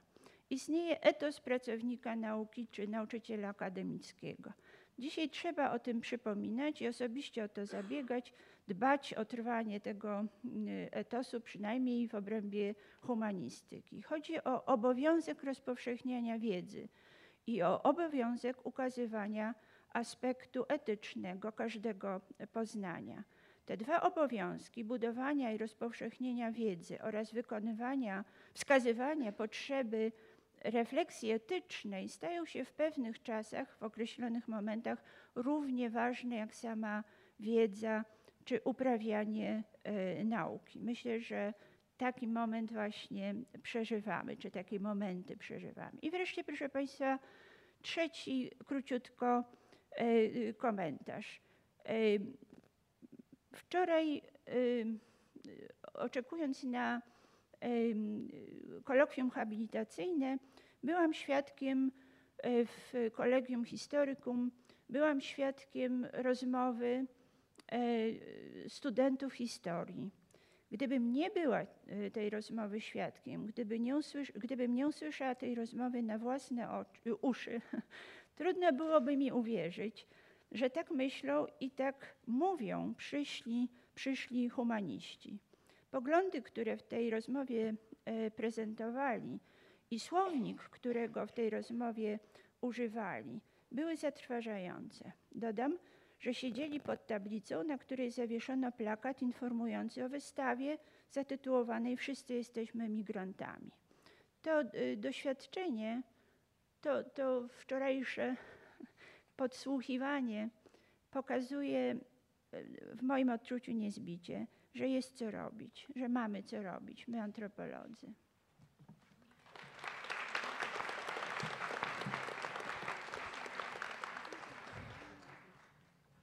Ania Anatolska-Styszyńska wypowie się w imieniu Uniwersytetu Mikołaja Kopernika. Kopernik był beneficjentem średniowiecznego programu Erasmus.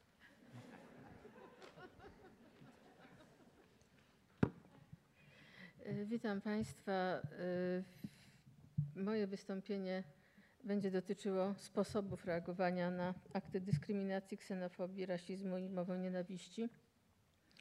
Jest e, w gruncie rzeczy wypracowanym kompromisem, swoistym wspólnym mianownikiem, na który złożyły się efekty dyskusji, uwagi i sugestie pracowników naszej katedry. Jesteśmy zdania, że rolą etnologii, antropologii kulturowej nie jest tworzenie czy nawet proponowanie rozwiązań systemowych. Zadaniem naszej dyscypliny jest natomiast rozpoznawanie zjawisk kulturowych i społecznych oraz jak najszersza popularyzacja wyników prowadzonych badań.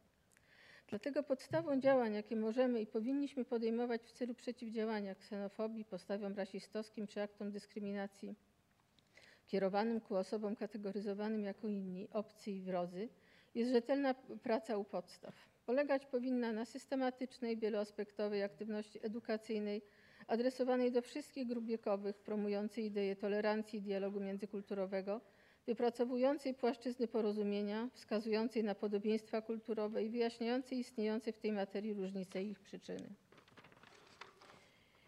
Jak powszechnie wiadomo, podstawą wymienionych wcześniej negatywnych postaw jest w wielu przypadkach brak wiedzy stanowiący fundament postawy lęku przed nieznanym. Działania prowadzone na rzecz edukacji dzieci, młodzieży i ludzi dorosłych mają przeciwdziałać temu zjawisku. Olbrzymią rolę odgrywać w tym powinny nie tylko instytucje akademickie kształcące młodzież o takich właśnie postawach, ale także muzea etnograficzne, ośrodki kultury, które docierają do nieco innych grup społecznych. Podstawą zatem powinna być ścisła współpraca w tym zakresie, podejmowana przez rozmaite środowiska etnologiczne, antropologiczne, działania interdyscyplinarne i międzyinstytucjonalne. Edukacja społeczeństwa powinna w perspektywie zaowocować właściwymi postawami, także w momencie podejmowania działań o charakterze politycznym, przykład wyboru polityków i opcji politycznych podzielających takie samo pełne zrozumienia i chęci porozumienia nastawienie do rzeczywistości. Edukujmy zatem przyszłych wyborców i przyszłych polityków. Zwiększajmy liczebność tej grupy społeczeństwa, dla której istotne będą idee tolerancji i porozumienia, a nie interesu jednostki i izolacji. Grupy, której przedstawiciele podejmą dyskusję w sytuacji dwustronnego czy też otwartego spotkania organizowanego ponad istniejącymi podziałami. Będą bowiem dysponować potrzebną wiedzą i argumentami nie do odparcia, punktującymi słabość ideologii lub dem, demagogicznych wypowiedzi, czy też piętnującymi często wrogie i agresywne postawy uczestników dysputy. Jednak, aby móc taką działalność edukacyjną realizować, należy prowadzić badania, które umożliwią nam posługiwanie się w tych poczynaniach materiałem empirycznym dotyczącym współczesnych zjawisk, aktualnych sytuacji i dzisiejszych powszechnie doświadczanych problemów. Należy zatem prowadzić badania dotyczące tych grup społecznych, wobec których są adresowane i kierowane negatywne postawy i zachowania. Dotyczy to zarówno grup marginalizowanych społecznie, jak uchodźców, imigrantów oraz mniejszości narodowych i etnicznych. Należy także prowadzić badania dotyczące odbioru tych grup przez społeczeństwo i przyczyn, dla których pojawiają się postawy lękowe. Ważne jest także rozpoznanie przyczyn, dla których hasła ksenofobiczne, nietolerancyjne i dyskryminacyjne akceptowane są w społeczeństwie. Pozwoli to na wypracowanie odpowiednich metod i zakresów wspomnianych działań edukacyjnych oraz dostosowanie ich do konkretnych adresatów. Z pewnością konsolidacja i współpraca środowisk etnologicznych w tym odniesieniu do promowania do, w, etnologicznych w odniesieniu do promowania idei tolerancji i dialogu międzykulturowego, a także podejmowanie wspólnych działań naukowych mogłoby odnieść większy efekt. Ten połączony głos ma szansę być usłyszany. Katedra Etnologii i Antropologii Kulturowej w Toruniu od lat podejmuje zagadnienia analizy problematyki związanej z tożsamością i badaniami nad grupami osób marginalizowanych społecznie. Idee tolerancji i dialogu międzykulturowego zostały także podkreślone w programie nauczania oraz w działaniach pozadydaktycznych podejmowanych m.in. we współpracy z instytucjami muzealnymi i stowarzyszeniami. Przykładami takich działań były dwie konferencje współorganizowane w ostatnich dwóch latach przez naszą katedrę, mianowicie Odmienność w kulturze oraz Z ojczyzny do obczyzny Polacy jako uchodźcy. Ważne jest również stosowanie we wszystkich we wspomnianej działalności edukacyjnej nowych mediów, które pozwalają dotrzeć do osób spoza społeczności akademickiej, muzealniczej i grup skupionych wokół ośrodków kultury i szkół. Reasumując, polska etnologia, antropologia kulturowa powinna realizować zadania, jakie postawiła sobie przed wielu laty. Powinna czynić to konsekwentnie, wspólnie i coraz intensywniej.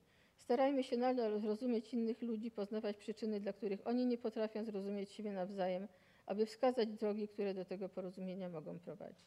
Dziękuję.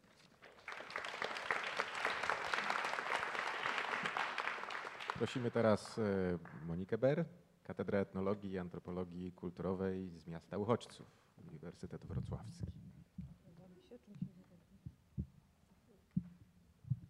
O, udało mi się, super.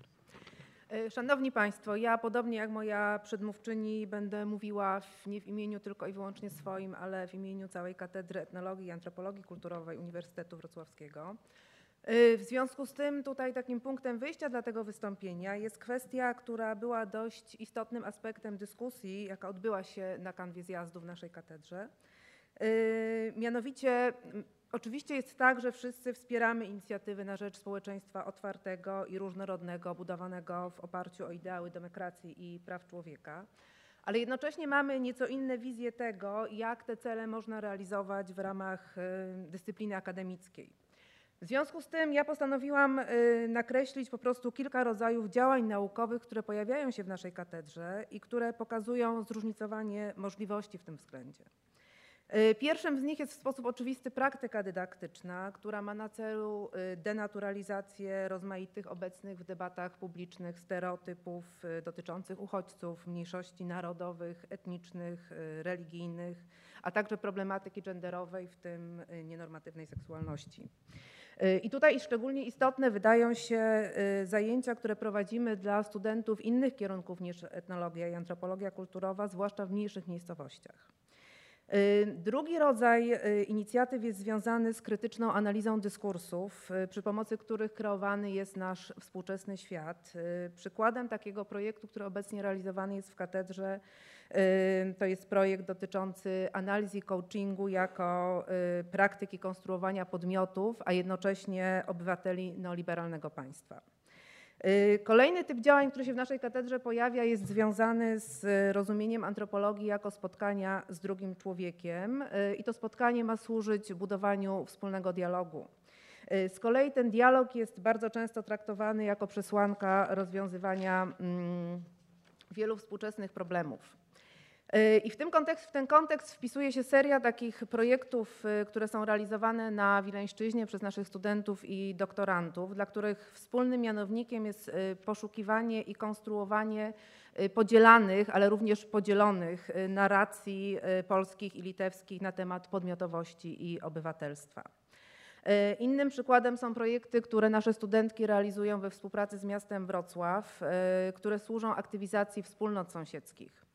Y, Dzięki tym projektom przedstawiciele i przedstawicielki tych wspólnot zaczęli ze sobą rozmawiać, zaczęli postrzegać problemy, które dotyczą ich wspólnego podwórka i dzięki temu szukać też aktywnych rozwiązań, żeby te problemy rozwiązać.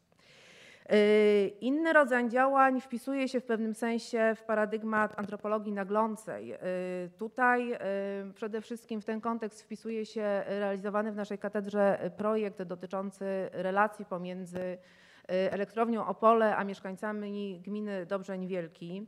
I my w tej chwili prowadząc te badania jesteśmy tam świadkami przejmowania przez miasto Opole uprzemysłowionych terenów y, gminy y, w tym właśnie zresztą samej elektrowni. Y, I w tym kontekście my z jednej strony analizujemy ten toczący się na naszych oczach proces, ale z drugiej strony też y, chcemy pokazać punkt widzenia mieszkańców, którzy y, odwołują się y, do wszystkich możliwych środków, żeby zaprotestować przeciwko temu podziałowi gminy i ten swój protest jawnie konstruują w kategoriach praw obywateli demokratycznego państwa. Y, Ostatni typ inicjatyw y, badawczych wiąże się z takim y, aktywizmem w pewnym sensie sensu stricto, dlatego że są to działania, które są nastawione na zmianę społeczną. Y, I tutaj w ten kontekst wpisuje się y, realizowany przez nas projekt dotyczący przeciwdziałania homofobii i transfobii w sześciu małych i średnich miastach europejskich, w tym właśnie we Wrocławiu. Y, I tutaj celem tego projektu jest z jednej strony opisanie przy pomocy metod etnograficznych lokalnych inicjatyw nastawionych na walkę z homofobią i transfobią, także opisanie niedostatków w tym zakresie, ale też wymiana doświadczeń i dobrych praktyk po to, żeby te dobre praktyki wprowadzać tam, gdzie ich brakuje. Y, Więc podsumowując ten y, bardzo krótki, hasłowy przegląd y, tych inicjatyw naukowych, które się pojawiają w przestrzeniach wrocławskiej etnologii i antropologii kulturowej, ym, muszę powiedzieć, że on po prostu jakoś tak w pewnym sensie w mikroskali pokazuje potencjał wkładu, ale także zróżnicowanie tego wkładu, który nasza dyscyplina może i w istocie wnosi w debatę o demokracji i prawach człowieka. Dziękuję bardzo.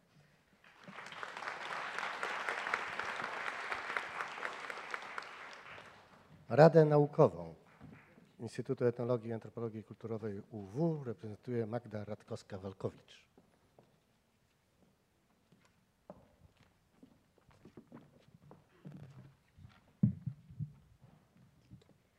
Dzień dobry Państwu.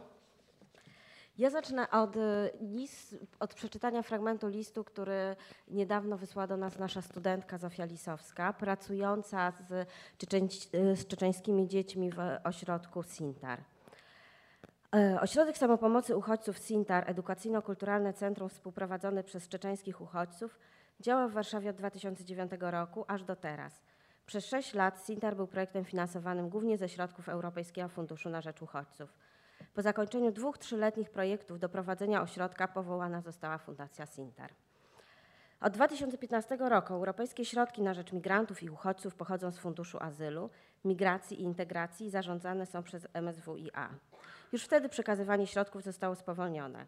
Nabór wniosków z grudnia 2015 został unieważniony po prawie pięciu miesiącach oczekiwania na wyniki, co uderzyło w większość organizacji pozarządowych wspierających cudzoziemców w Polsce. MSWiA tłumaczyło odwołanie konkursu oczekiwaniami społecznymi, wzrostem aktywności terrorystycznej i rosnącymi obywami wobec wpływu sytuacji migracyjnej na bezpieczeństwo wewnętrzne. Ogłoszone zostały kolejne nabory, na których wyniki organizacje czekają już kolejne pięć miesięcy. E, Zakończenie tego listu jest takie, że lokal ośrodka Sintar został zamknięty. E, Sintar to oczywiście jeden z bardzo wielu przykładów e, dyskryminacji, wykluczania, zastraszania w imię politycznych celów i w służbie dyskursu strachu, o których dzisiaj zapewne będziemy jeszcze wiele mówić. E, Oczywiście jako antropolożki i antropolodzy wiemy, że tak być nie może. Nasza dyscyplina u swoich podstaw jest po to, by mówić w imieniu tych, co są marginalizowani, słabsi, tych, którzy nie mają głosu. Ale przyznam się Państwu, że y, stojąc tutaj przed Państwem, muszę powiedzieć, że czuję się bezradna.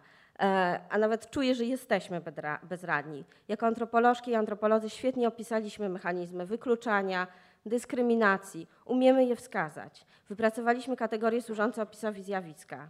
Identyfikujemy grupy wykluczane, a dzięki narzędziom rozpoznawania wiemy, że jest ich więcej niż kiedykolwiek sądziliśmy.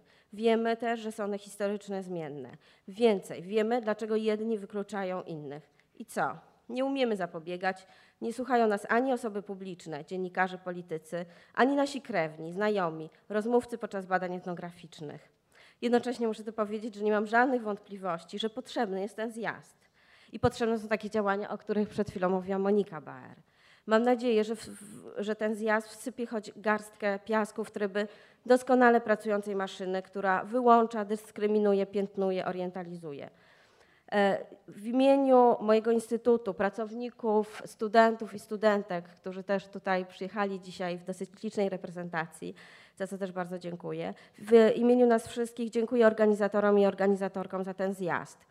To bardzo ważne, żebyśmy jako specjaliści od języka, kultury i społeczeństwa wypowiadali się wtedy, kiedy za pomocą języka wprawia się w ruch tę maszynę. Tak, Jak piszą e, autorzy manifestu, wyrażamy stanowczy sprzeciw wobec wszelkich przejawów dyskryminacji, wykluczania i mowy nienawiści na tle kulturowym, religijnym, etnicznym, genderowym bądź światopoglądowym. Do tego dodać by trzeba jeszcze ze względu na wiek, kondycję biologiczną i zdrowotną, biografię rodzinną i zawodową, in, biografię intelektualną. Ze swoich badań bym e, do tego dodała także sposób poczęcia. Oczywiście poziomy wykluczeń możemy tu mnożyć. A co zrobić z tą bezradnością? Jak my, antropolożki i antropolodzy, możemy zmieniać otaczające nas światy? Na pewno demaskować, dekonstruować, krytykować, monitorować, edukować. Ale jak to zrobić, by nas słyszano? Mam nadzieję, że dzisiejszy dzień e, przyniesie jakieś ciekawe odpowiedzi na to pytanie. Dziękuję bardzo.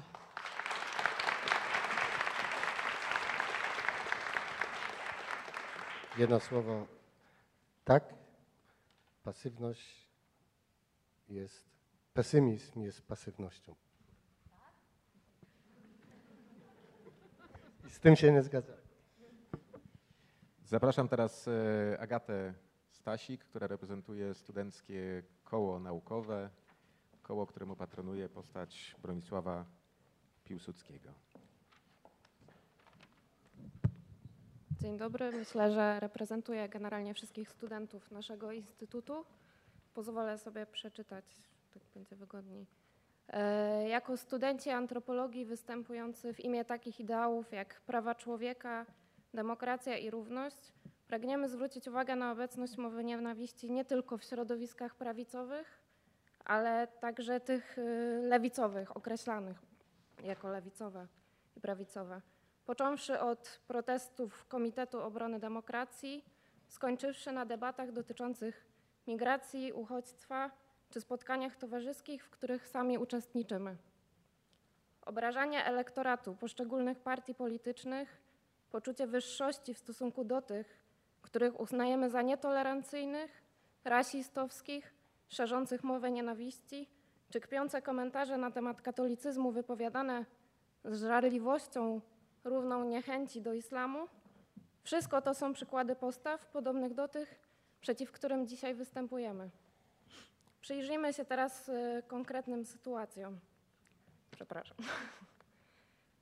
Y, 24 października, czarny protest, Poznań. Grupa etnologów stoi na placu Adama Mickiewicza, protestują w imię wolnego wyboru. Po drugiej stronie ulicy, za ich plecami, stoi kontrmanifestacja. Żadna z grup się nie słyszy, żadna nie słucha. Pewien młody mężczyzna kilkukrotnie pokazuje kontrmanifestującym środkowy palec, wykrzykując, że w Polsce nie ma dla nich miejsca. Jakaś kobieta próbuje go uspokoić. Kwiecień tego roku. O krewnych w rodzinach zastępczych przypominają sobie ciocie i wujkowie. Wybuch miłości czy efekt 500, pyta Gazeta Wyborcza. Koniec lipca polskie morze przeżywa oblężenie. Efekt programu 500. Liberalne media nie odmawiają sobie wnikliwych komentarzy na ten temat. Oto nieroby, nasi wewnętrzni inni, których pociechy, potrzeby fizjologiczne załatwiają na wydmach. Tak przynajmniej twierdzi dziennikarka Newsweeka. Przykładów można mnożyć. Zeszłoroczny cykl wykładów dotyczących islamu i polityki strachu prowadzony przez pracownię pytań granicznych UAM w Poznaniu. Co tydzień w części dyskusyjnej pewien mężczyzna wyraża swoje wątpliwości i obawy wobec islamu i wobec imigrantów. Tydzień w tydzień mężczyzna jest przez uczestników wykładu traktowany protekcjonalnie i z lekkim przymrużeniem oka. Któregoś razu kobieta związana z poznańskim środowiskiem anarchistycznym oskarża go o prowadzenie monologów i zabieranie przestrzeni do debaty. Proszę sobie zatem odpowiedzieć na pytanie, czy zdarzyło się Państwu chociaż raz skomentować osoby o odmiennych poglądach bądź sytuację w kraju w sposób, za który moglibyście się wstydzić. Chociaż skala jest nieporównywalna, to powinniśmy pamiętać o tym, że nie trzeba nawoływać do przemocy, by szerzyć wzajemną niechęć. Debaty, których obecnie jest wiele, powinny służyć przede wszystkim dyskusji, tak by wszystkie strony sporu wychodziły bogatsze o wiedzę, której wcześniej nie posiadały. Częściej jednak wygląda to tak, że każdy próbuje przeciągnąć każdego na swoją stronę, co odbierane jako atak powoduje kontratak. Trudno w takim wypadku mówić o dyskusji. Jesteśmy przeciwko postawom ekstremalnym i niebezpiecznym, a nie przeciwko temu, że ktoś ma wątpliwości lub nie zgadza się z naszą wizją świata. To, że ktoś jest ofiarą mowy nienawiści, nie oznacza, że sam jej nie używa.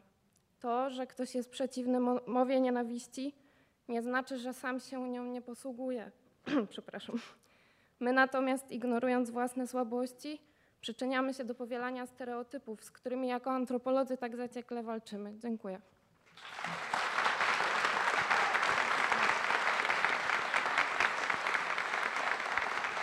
Y,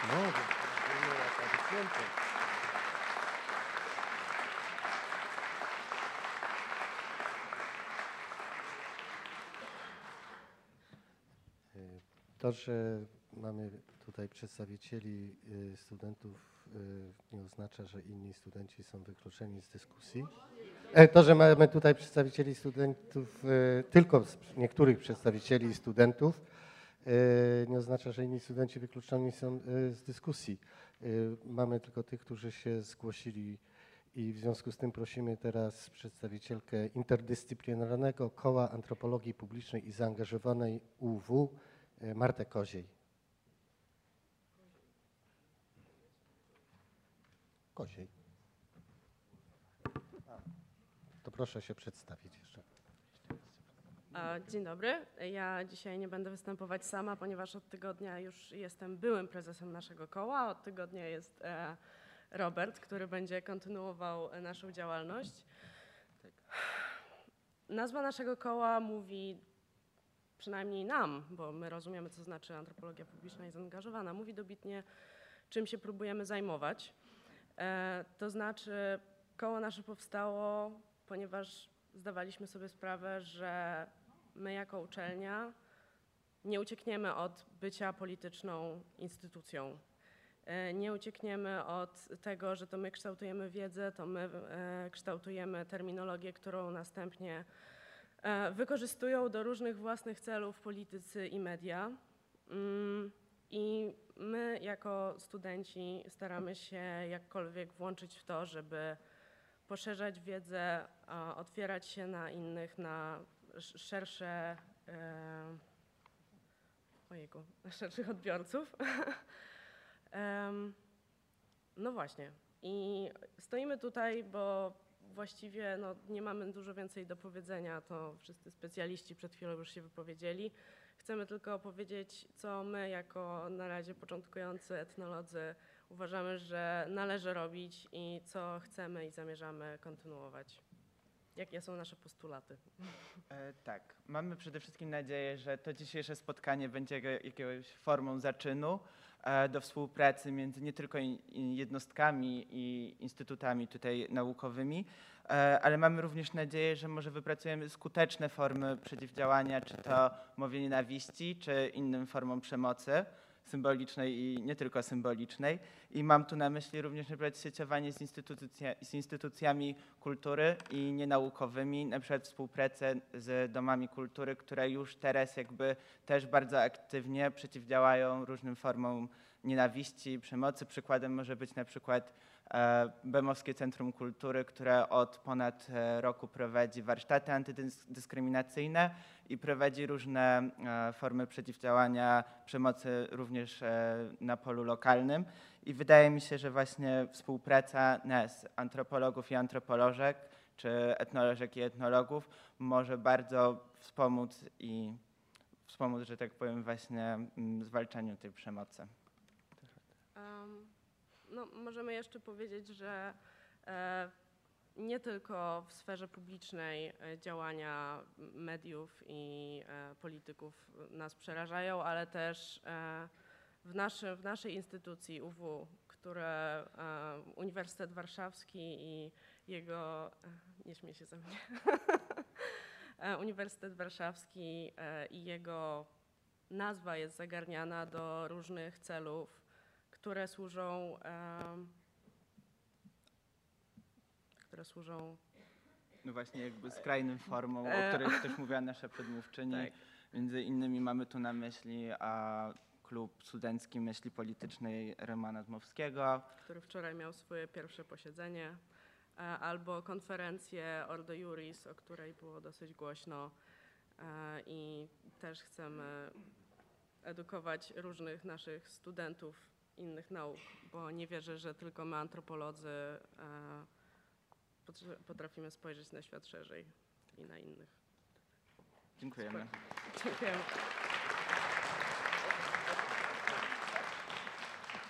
Wśród współorganizatorów e, naszego zjazdu jest także Katedra Antropologii Ogólnej i Społecznej Krakowskiej AGH, którą reprezentuje Janusz Mucha. Zapraszamy. Dzień dobry Państwu. Ja chciałem parę słów o wielokulturowości. Od kilku lat słyszymy w rozmaitych krajach, w tym krajach, które można by dla uproszczenia nazwać homogenicznymi i takich, które dla uproszczenia można by nazwać pluralistycznymi. Słyszymy więc o kryzysie wielokulturowości, o tym, że ten projekt się nie udał, że trzeba odwrócić ten projekt. No, z wielokulturowością jest taki, jest problemów oczywiście bardzo wiele i tylko tutaj y, upraszczam naturalnie. Chciałem przypomnieć, że to nie jest tylko sprawa migracji. Wielokulturowość to jest też y, różnorodność praktyk kulturowych, które są uprawiane przez ludzi będących na tym samym terenie, którzy być może przyjechali, a może są z nami zawsze. Chciałem podzielić tutaj y, wielokulturowość na trzy jak gdyby aspekty. Pierwszy bym nazwał empirycznym, drugi bym nazwał wartościującym albo aksjologicznym i trzeci bym nazwał y, normatywnym albo polityki społecznej. Ten pierwszy to jest wielokulturowość w rozumieniu takim, że właśnie w jednej jakiejś całości społecznej mamy do czynienia z wielością różnych widocznych praktyk kulturowych po prostu fakt empiryczny. Jeżeli chodzi o aksjologiczny czy wartościujący, to mamy tutaj do czynienia z nurtem kulturowym czy przekonaniami społecznymi, według których to jest dobrze, że mamy do czynienia z taką właśnie wielością różnych praktyk kulturowych na danym terenie. Niektórzy odwołują się tutaj wręcz nawet do bioróżnorodności i znaczenia bioróżnorodności dla dla dobrostanu przyrody całej. I po trzecie, mówimy o praktykach społecznych, wielokulturowości jako praktykach społecznych i chodzi nam tutaj przede wszystkim o ułatwianie ludziom, którzy nie należą do, do, do dominującej grupy kulturowej, ułatwianie im po pierwsze uczestnictwa, pełnego uczestnictwa w życiu społecznym, a po drugie ułatwianie im jawnego praktykowania swoich nieszkodzących, zakładam, innym praktyk kulturowych. No i wróćmy teraz na sekundkę do tego, czy ten projekt się faktycznie y, skończył, czy ten projekt jest nieudany. No na pewno mamy do czynienia z odwracaniem od tego projektu. Zacząłbym od końca. No, od praktyk, od, y, od wielokulturowości normatywnej, czy w rozumieniu praktyk społecznych. Tak, wydaje mi się, że mamy do czynienia wyraźnie z odwracaniem od praktyk równościowych do praktyk dyskryminacyjnych. Mowa była tutaj już wiele razy o tym. Jeżeli popatrzymy na aksjologiczną czy wartościującą wielokulturowość, tak, mamy do czynienia z kontrrewolucjami kulturowymi, mamy do czynienia z takimi, z promowaniem takich sposobów patrzenia na świat, wedle których różnorodność jest złem, natomiast homogeniczność jest dobrem. Mamy do czynienia z postulowaniem właściwie tego, że wszyscy powinniśmy być nie tyle koneserami zróżnicowania, co, konesora, co koneserami jednolitości. I wreszcie, co wydaje mi się szczególnie niebezpieczne, mamy do czynienia też z próbami odwracania empirycznej, faktualnej wielokulturowości. To odwracanie jest widoczne również zarówno w krajach wielokulturowych faktycznie, jak i w krajach homogenicznych, w którym takim kraju w dużej mierze się znajdujemy tutaj. Te próby polegają, jak widzimy wszyscy, na, na sugerowaniu na razie rejestracji, y, podpisywaniu deklaracji lojalności, być może izolowania, ale w końcu, jak też słyszymy, zarówno w krajach dosyć homogenicznych, jak i w krajach bardzo pluralistycznych w Europie, poza Europą, o tym, że faktycznie po to, żeby realizować wizję społeczeństwa homogenicznego, musimy doprowadzić do deportacji. Tak więc wydaje mi się, że faktycznie jest tak, jak mówią promotorzy homogeniczności, że projekt wielokulturowości jest zagrożony. Projekt wielokulturowości jest zagrożony na wszystkich tych etapach i dobrze to z mojego punktu widzenia nie wygląda. Dziękuję bardzo.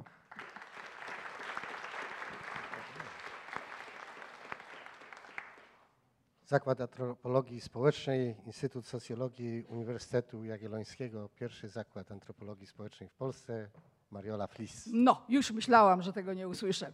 E, To dla tych z Państwa, którzy byli w stanie nieoświeconej niewiedzy, muszę powiedzieć, że powstaliśmy w roku 1980 i ja swoimi rękoma e, wraz z Andrzejem Paluchem i innymi e, kolegami budowaliśmy ów zakład i mam takie wrażenie, że na zaczynie tego zakładu powstały e, zakłady antropologii kulturowej.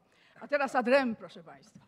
E, Zacznę od e, noblistki, od Wisławy Szymborskiej, która jest autorką mojego ulubionego aforyzmu. Nie ma rozpusty gorszej niż myślenie. I w związku z tym, proszę Państwa, zapewne ja czuję się jak uchodźca intelektualny w swoim własnym kraju, bo na Uniwersytecie Jagiellońskim na szczęście jeszcze nie. W związku z tym y, y, no, zacznę od cytatu e, od Stanisława Osowskiego, który był, miał tą przyjemność, był uczestnikiem seminarium Bronisława Malinowskiego, słynnego seminarium w London School of Economics.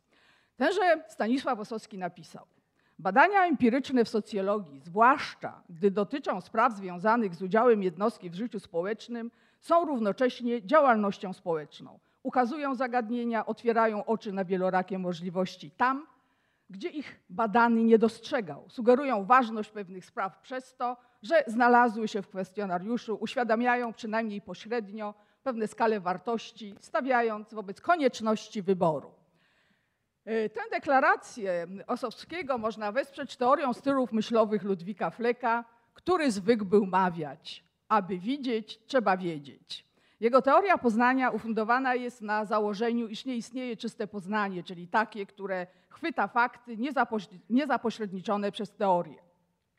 Bez pewnych założeń teoretycznych nie wiedzielibyśmy, co i jak obserwować. Rozpatrywanie stylu myślenia i zgodnego z nim postępowania poprzez odkrywanie przyjmowanych założeń teoretycznych pozwala nadawać im sens taki, jaki nadaje im osoba owe założenia przyjmująca. Pozwala je w systematyczny sposób badać i drogą dedukcji wyciągać określone wnioski. A to nieuchronnie, moim zdaniem, prowadzi do konkluzji, że antropologia społeczna jako gałąź socjologii była, jest i pozostanie nauką zaangażowaną. Wspomniany Stanisław Osowski za Arystotelesem rozróżniał dwie kategorie zadań, jakie ma przed sobą wiedza ludzka: użyteczność i mądrość. Pierwsza wynika z tego, że wiedza dostarcza środków technicznych, druga z tego, że wiedza przekształca ludzki umysł i ludzkie postawy, czyli kształtuje nasze struktury mentalne. Zasadność tego rozróżnienia potwierdza antropologia społeczna, czyli nauka o obcych ludach, jak mawiał Osowski. Uczy ona tolerancji rozumianej jako pozytywne myślenie o inności i odmienności. Bowiem ja podzielam przekonanie mojego mistrza Leszka Kołakowskiego, że sedno poznania antropologicznego tkwi w przekonaniu, że poznanie innej kultury, jakkolwiek prostej, niesie w sobie jakąś istotną wartość dla kultury Zachodu, że może być ono pozytywnym elementem europejskiej samowiedzy. I wbrew temu, co Państwo tutaj usłyszeli, no, bo, bo to było bardzo krytyczne i, i dobrze, bo takie musi być, bo po to się tutaj spotkaliśmy, to antropologia społeczna okazała się być hermeneutyką strony przeciwnej, która wpisana jest w sytuację zróżnicowania.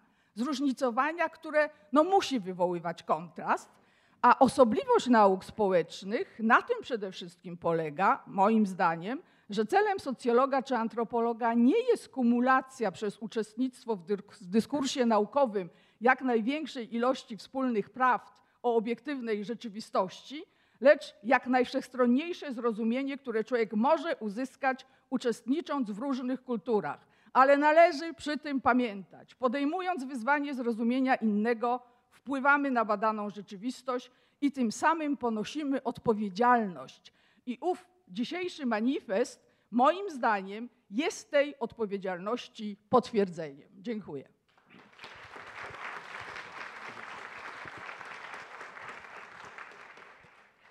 Kolejny zakład antropologii społecznej, ale tym razem z Uniwersytetu Warszawskiego reprezentuje Michał Kowalski. Koleżanki i koledzy, po dyskusji wśród pracowników i współpracowników naszego zakładu mam no, przyjemność no, przedstawić dwie kwestie, które wydają się nam być ważne. Po pierwsze, w imię sprawy walki z dyskryminacją, co dla nas wszystkich jest oczywiste i bezdyskusyjne, w imię jedności środowiska, co dla nas jest wartością cenną, wyrażamy zdecydowane poparcie dla idei zjazdu i działań, które zjazd ten zapoczątkowuje.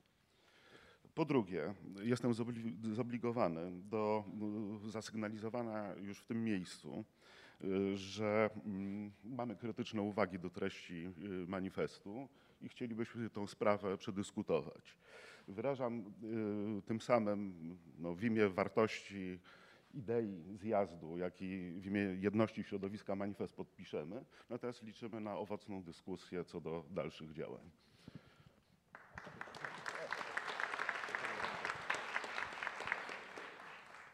Jeszcze odpowiadając pani Flis, y, Katedra Etnologii powstała w, w Poznaniu, powstała w 1919 roku.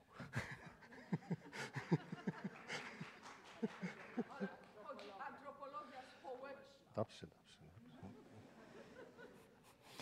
E, sekcja antropologii społecznej Polskiego Towarzystwa Socjologicznego reprezentuje kolejna przedstawicielka Katedry Antropologii Społecznej, Zakładu Antropologii Społecznej w Krakowie, e, Grażyna Kubica, którą mam przyjemność znać od wielu, wielu lat. Nie aż tak wielu. Może nawet nie mów... Może nie mówmy od jak dawno. E, idea tego zjazdu przez niektórych naszych kolegów i koleżanki jest oceniana jako nieuprawnione zaangażowanie polityczne. Jako historyczka antropologii chciałabym jedynie przypomnieć, że klasyczna antropologia odgrywała ważną rolę w życiu intelektualnym Zachodu. Ojcowie założyciele dyscypliny jak Morgan, Taylor czy Fraser brali żywy udział w debatach swego czasu. Przedstawiciele tego pierwszego pokolenia antropologów stanowili część szerokiej i różnorodnej intelektualnej sfery publicznej, w której uczestniczyli przyrodnicy, historycy, archeologowie, filozofowie i inni uczeni. Starali się zrozumieć przeszłość i teraźniejszość ludzkości na szerokiej platformie teoretycznej, którą stanowił ewolucjonizm. W pewnych kwestiach następna generacja poszła ich drogą. Uczestniczyła aktywnie, podobnie jak poprzednicy, w debacie publicznej. Bronisław Malinowski pisał do popularnych magazynów i wygłaszał publiczne odczyty na tematy, które interesowały szerszą publiczność, jak gospodarka pierwotna czy życie seksualne. Franz Boas aktywnie występował przeciwko rasizmowi i używaniu nauki jako przykrywki działań, działalności szpiegowskiej, o czym bardzo dokładnie i świetnie pisał mój przedmówca Michał Kowalski. Ruth Benedict i Margaret Mead pokazały antropologię jako świeże i ciekawe podejście do ludzkiej różnorodności. Podobnie było we Francji.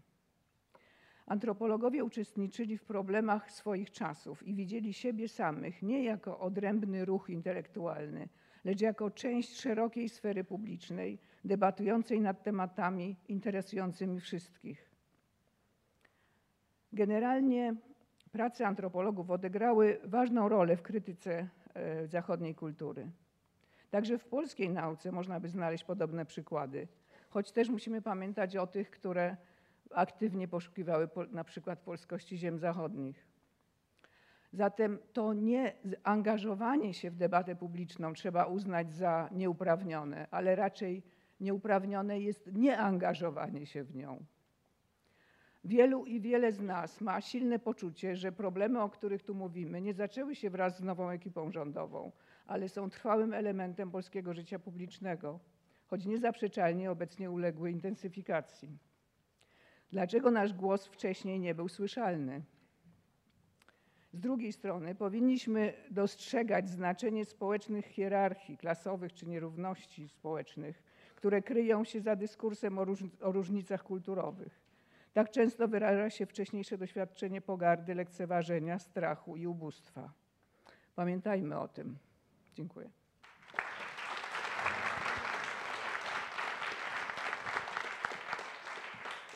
Zapraszam teraz e, Anię Urbańską, Ośrodek Etnologii i Antropologii Współczesności, Instytut Antropologii i Etnologii Polskiej Akademii Nauk w Warszawie i w Poznaniu. Dzień dobry Państwu. Proszono mnie o wystąpienie w imieniu y, etnologów z Polskiej Akademii Nauk. Jest to y, placówka stricte związana z badaniami terenowymi. Nie prowadzimy dydaktyki, w związku z czym większość naszego czasu poświęcamy terenie, a terenowi, a więc pracy wśród ludzi. I z całą mocą chciałabym podkreślić, że y, Instytut Archeologii i Etnologii zgadza się oczywiście z całym manifestem i dziękuję za zorganizowanie tego zjazdu. I dzisiaj chciałabym zwrócić uwagę na jeden z aspektów, który mam nadzieję poruszymy w czasie y, rozważań. Otóż y, analizując obecny kryzys, bo chyba wszyscy przyznamy, że jest to pewien rodzaj kryzys kulturowo-społeczny, y, zauważamy nasilenie się pewnej retoryki, y, pewnej, ym, ym, pewnej mowy w telewizji, y, która to mowa daje się odbierać przez, przez nas wszystkich, przez społeczeństwo, przez y, antropologów jako y, ym, mowa y, społeczeństwa. My natomiast terenowcy, prowadząc ym, długotrwałe badania wśród społeczeństwa zarówno polskiego, jak i na wschodzie Europy, na zachodzie i różnych, y, na różnych kontynentach, zwróciliśmy uwagę, że takie skrajne, szczególnie w Polsce, skrajne opinie prezentowane obecnie jako y, mm, pewna wizja rzeczywistości y, są autentycznie skrajne i nie, nie, od, nie odnoszą się do tego, co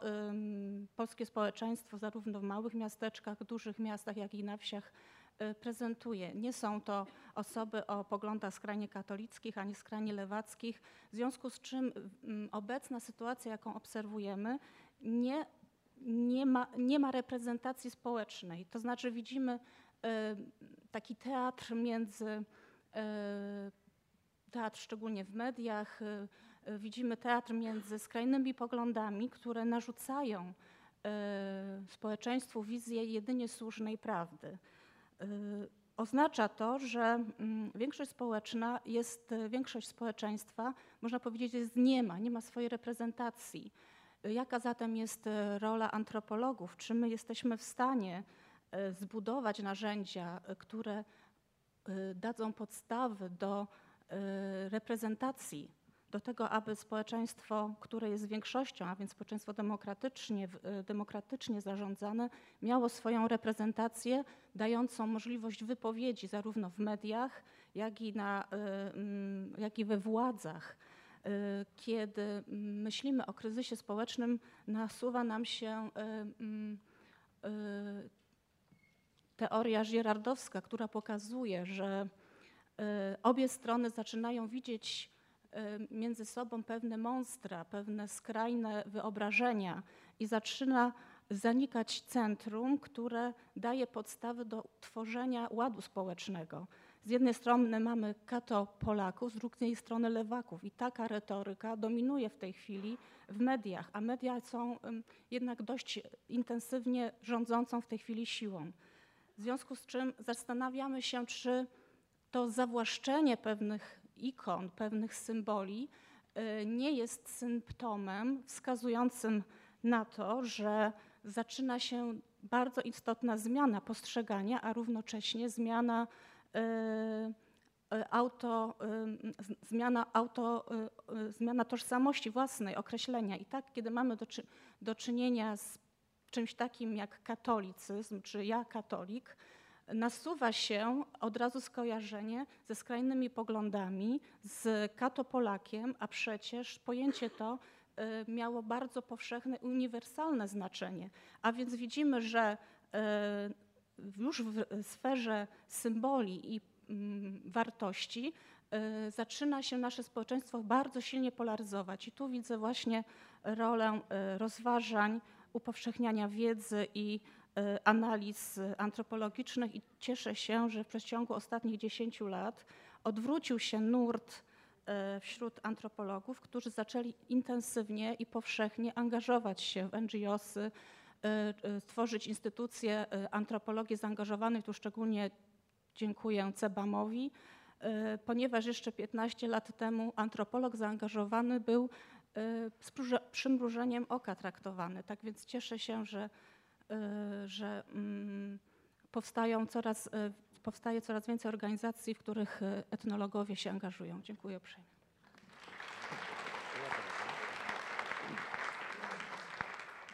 Elżbieta Jan- Elżbieta Janicka reprezentuje Instytut Slawistyki Polskiej Akademii Nauk.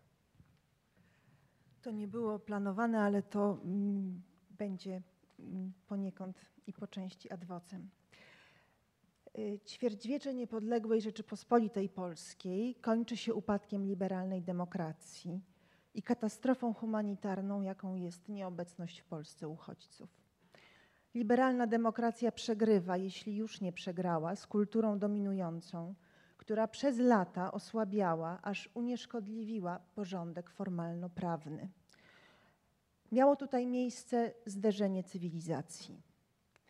Nad liberalną demokracją zatriumfowała rama społeczno-kulturowa, na którą składają się doksa etniczno-religijna i doksa antykomunistyczna, przy czym tu komunizm nie jest kategorią empiryczno-deskryptywną, tylko e, takim pojemnym e, workiem na śmieci, w którym lądują bez różnicy idee emancypacyjne i e, najgorsze zbrodnie.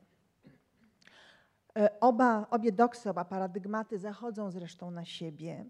E, Oba i obie są potencjalnie, jeśli nie strukturalnie, podszyte antysemityzmem i wespół wytworzyły aurę bezalternatywności, która skutkuje i mentalnym, i emocjonalnym ubezwłasnowolnieniem. Tu Przykładem są y, obrończynie i obrońcy demokracji, którzy ścigają się na patriotyzm z ONR-em, dowodząc z pozycji sublokatorsko aspirującej, że przecież żołnierze wyklęci i Roman Dmowski, tu cytat, to także nasi bohaterowie. Zgoda na takie zdefiniowanie rzeczy wspólnej, chodzi o republika, łączy pokolenia, klasy społeczne, ludzi niemal wszelkich orientacji politycznych. Tu właśnie nie widać nie tylko polaryzacji, ale wręcz nie widać pluralizmu bardzo często. Tym języku wyraża się również sprzeciw wobec skutków neoliberalnej postaci kapitalizmu. I w rezultacie zamiast spójności społecznej mamy spójność narodową, której wzorcotwórcza awangarda woła krwi. Śmierć wrogom ojczyzny ze wskazaniem. Wisieć będą syjoniści. Wymiennie z lewactwem. Nad liberalną demokracją wzię- wzięły w Polsce górę patriotyzm i tożsamość narodowa. Nic o nich nie ma w konstytucji. Nie należą też do porządku aksjologicznego. Tymczasem przedstawia się je jako należące do sfery aksjologii i lokuje na szczycie hierarchii wartości. Następnie zaś używa się ich w charakterze knebla i maczugi wobec społeczno-kulturowych dewiantów, którzy tym samym awansują do rangi dewiantów moralnych. W tej sytuacji dyskryminacja nie wyraża patologii, lecz normę społeczną. Jest stanem pożądanym i moralnie prawomocnym. A jak do tego doszło? Otóż dowartościowanie kulturowych źródeł i wzorów dyskryminacji trwa w Polsce nieprzerwanie, zarówno w dziedzinie edukacji, jak i polityki historycznej państwa polskiego i uległo znacznemu wzmożeniu po akcesji do Unii Europejskiej, zwłaszcza po roku 2005. Y, Zlikwidowana przez Romana Giertycha od razu w zarodku edukacja antydyskryminacyjna nigdy nie została w Polsce wprowadzona jako rozwiązanie systemowe. I nie szkodzi, że jest to sprzeczne, ten stan rzeczy jest sprzeczny z y, już tu przywołanym artykułem 32 Konstytucji. Zamiast tego prowadzona jest edukacja, którą można nazwać prodyskryminacyjną, która e, tak na poziomie języka, jak i na poziomie treści kształtuje postawy i w konsekwencji zachowania autorytarne, hierarchiczno-kolektywistyczne, przemocowe. Edukację publiczną skrojoną na miarę Polski dla Polaków wzmacnia dodatkowo kult przemocy, wojny, śmierci, w tym także śmierci dzieci męczenników. E, Obrona terytorialna nie wzięła się znikąd. Klasy mundurowe z całą towarzyszącą im ideologią e, funkcjonują w szkołach od dawna. Sprawy zaszły tak daleko, że dziś potrzebna jest nam już nie tyle edukacja, ile reedukacja i resocjalizacja. I może warto też podkreślać, że problem nie tkwi w patologicznym marginesie, lecz w centrum kultury. Nie w tym, co uznaje ona za haniebne, lecz w tym, co uznaje ona za chwalebne, począwszy od nazwania III Rzeczpospolitej symboliczną kontynuacją drugiej i ustanowienia święta 11 listopada. Podobnie inne mity założycielskie obecnego państwa, jak na przykład mit polskiego państwa podziemnego, który był prototypem Polski dla Polaków, to jest zdanie historiografów, nie moje. Y, otóż owe inne mity podobnie nie wytrzymują konfrontacji z duchem i literą praw mniejszości. A jak rozumieć rehabilitację powojennego zbrojnego podziemia niepodległościowego, której częścią stał się adres hołdowniczy z roku 2012, zakończony słowami: Sejm Rzeczypospolitej Polskiej oświadcza, że narodowe siły zbrojne dobrze zasłużyły się ojczyźnie. Czym to się różni od afirmacji zagłady? Ponieważ nic nie kompromituje tych wszystkich świętości bardziej niż polski kontekst zagłady, trwa obecnie, jak wiemy, szczególnie zażarta walka nowej władzy z wiedzą na ten temat. Obecny eksperyment ustrojowy zdaje się przypominać rekonstrukcję historyczną lotu do Smoleńska. Dlatego konieczny wydaje się wyraźny sprzeciw wobec szantażu patriotycznego, tożsamościowego, wizerunkowego i wyraźna opcja na rzecz oczywistości społeczno-kulturowej całkowicie innej niż obecna, liberalno-demokratycznej, egalitarnej, świeckiej i obywatelskiej. Dotychczasowe dwa wdrażane w Polsce warianty modernizacji modernizacja bez emancypacji i modernizacja przeciw emancypacji kosztowały już zbyt drogo. Pora na rewizję kultury i odrzucenie jej uświęconych, wykluczających wzorów. Może krucyfiks nie musi wisieć w sali plenarnej Sejmu i może krzyż nie musi dominować nad polami prochów w Birkenau. Może pora na emancypację, za której sprawą większość dominująca wyemancypuje się od samej siebie, weźmie za siebie odpowiedzialność, zyska poczucie sprawczości i przestanie zagrażać innym oraz przy okazji samej sobie. Kultura polska w tym szerokim rozumieniu mm, słowa kultura była dotąd kulturą bez kontrkultury. Być może zatem na kontrkulturę właśnie pora.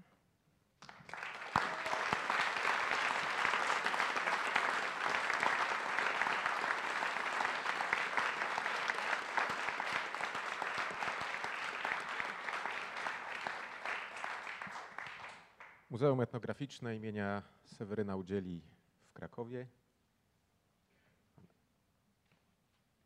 Antoni Bartosz. Ja się y, odniosę do punktu trzeciego, jak reagować. Zadanie mam bardzo ułatwione w części pierwszej, ponieważ y, tutaj padły już znakomite rozpoznania. Pani, y, pani Anny Kaniowskiej, Anny Nadolskiej, Styczeń, Moniki Bauer i Izy Main. My się też zastanawialiśmy w zespole z Radą Muzeum, jak e, zdefiniować strategię działania, reagować doraźnie, czy budować układ odpornościowy, jeśli by przyjąć, że to, co nas toczy, to jest to rodzaj choroby, może nawet nowotworu. Ale także dzisiaj nowotwór głównie leczy się przez stymulację układu odpornościowego, a więc budować immunologię. I absolutnie istotne są te pytania o to, czy potrafimy zrozumieć, co się w Polsce dzieje, zrozumieć dogłębnie, jakie pro programy wpłynęłyby realnie na tworzenie się postaw otwartych, więc na tej drugiej części zawieszone są ogromne oczekiwania. E, a myślę, że bardzo ważne też jest właśnie to, co też tutaj padło, że ksenofobia zaczyna się od negatywnego wartościowania ludzi po prostu, także ze własnego podwórka. I te przykłady, które pani Agata Stasik tak, tak, tak dobitnie przytoczyła, że owszem, y, mamy mnóstwo rzeczy rozpoznanych i wiemy jak, ale potem jak przyjdzie co do czego, e, wychodzą z nas e, nie etnolodzy, nie antropolodzy, wychodzą z nas polemiści z innej bajki. Co by tutaj w tej części do strategii działania dodać? Być może to pytanie pozytywne, co może budować poczucie wartości? No bo wiadomo, to jest, to jest najlepsze lekarstwo na lęki, na lekceważenie. Być może jest do rozważenia y, budowanie opowieści, która nie jest opowiedziana, historii, która nie jest opowiedziana, o której profesor Leder mówi, że pokazać te wszystkie procesy, które sprawiły, że w 150 lat z chłopskich niewolników przeobraziliśmy się w ludzi mniej lub bardziej stanowiących o sobie. To jest przecież powód do dumy, na razie zupełnie nieobecny w dyskursie edukacyjnym, historycznym, bardzo mało antropologicznym. Y, kwestią strategiczną jest e, obecność antropologii w szkołach. Możemy powiedzieć, że to jest w dzisiejszych warunkach y, marzenie ściętej głowy, ale przecież po to tu jesteśmy, żeby myśleć strategicznie, myśleć o immunologii. Póki co w dużej mierze edukatorzy muzealni, e, e, artystyczni się tutaj tym zajmują, ale gdyby tak pomyśleć o tym, żeby zacząć budować połączenie podstaw programowych w szkołach z elementami antropologii, to wcześniej czy później ten program y, wypali. W każdym razie będziemy go mieli. Czy reagować doraźnie? No oczywiście, że też tak. Bez, przez bezpośrednie podejmowanie tematu na różne sposoby, współpracując z, z różnymi inicjatywami, osobami. Absolutnie się podpisuję pod, pod, tą, pod tym myśleniem o konfederacji humanistycznej, o, o, o tym takim działaniu obywatelskim, także w przypadku Muzeum Etnograficznego. My na dniach otworzymy wystawę zatytułowaną E, kto gdzie, odwołującą się do jednoaktówki Becketa What Where, która, e, jak wiadomo, pokazuje cierpienie czyjeś, e, którego nie widać, ale widzowie odgadują, że ono jest. I to jest taka trochę analiza percepcji naszej w stosunku do internetu i nie tylko. Ale przy, przyjechałem też w części drugiej z pytaniami oczyszczającymi. I zaś tutaj się absolutnie podpisuję pod głosami pani Agaty Stasik, pani Magdaleny Radkowskiej-Walkowicz. Y, no bo tak, pan Waldemar Kulikowski na samym początku powiedział, czy, czy my nie jesteśmy tak e, wygodnie często na zewnątrz. Trochę chcemy w środku, a trochę na zewnątrz. Czy nie przyzwyczailiśmy się do tego, że w Polsce jakoś to się zaczęło stabilizować. Jeszcze 8 lat temu, gdybyśmy e, powiedzieli, że e, będziemy rozmawiać o antropologii zaangażowanej już bezpośrednio tu, na progu w naszym kraju, byśmy w to nie uwierzyli. A tak się naprawdę dzieje. Czy nie przesypiamy łatwo jakiegoś czasu? Czy w ogóle jako instytucje kultury, a muzea etnograficzne w szczególności, jesteśmy gotowi potraktować ów kierunek wzmacniania immunologii e, jako priorytet poważny i priorytet na lata? Czy jesteśmy zdecydowani sobie po prostu przeprogramować wiele rzeczy dzisiaj i wziąć to sobie wszystko do serca. I, i całkiem na poważnie tutaj też y, rozmawialiśmy sporo i w zespole i, i też, y, i też przyjeżdżając jest nas tutaj większa, większa delegacja. Czy, czy dzisiejsza nasza, nasze zaangażowanie się w sytuacje, w, w których jesteśmy jako etnografowie, etnolodzy, antropolodzy, w, w naszej obecności dochodzi do mowy nienawiści, aktów agresji. Czy umielibyśmy reagować, ale nie z językiem, który jest z naszej branży, no tylko z językiem zupełnie innym. I czy przypadkiem nie rodzi to pytania o nowe kompetencje, których, y, przyznajmy się, y, w każdym razie ja to widzę w, takich sytuacjach też. Ja go nie mam, ja go muszę wymyślać. I sądzę, że to nie jest temat tylko ludzkiej wrażliwości, to jest temat nabycia nowych kompetencji. To chyba to też jest wielki temat. A w każdym razie, no tak na próbę, gdybyśmy mieli prowadzić debatę, w której e, są stanowiska skrajne, to czy umielibyśmy wytworzyć klimat słuchania się nawzajem? Co jest oczywiście dzisiaj e, byłoby perełką i majsterstykiem, bo, bo tak jest nie do wyobrażenia w dzisiejszej Polsce. Krótko mówiąc, te wymagania, które dzisiaj nam stawia rzeczywistość, a więc i umiejętność diagnozy, i mediacji, i zaangażowania, to są wszystko bardzo niejednoznaczne e, sytuacje. E, te waga tych umiejętności będzie tylko rosła. I w związku z tym, czy jako etnografowie, etnolodzy, antropolodzy jesteśmy gotowi do pełnienia tych ról? Czy pracujemy nad nimi, czy pracujemy nad tymi nowymi kompetencjami? Może warto zacząć od pytań oczyszczających. Dziękuję.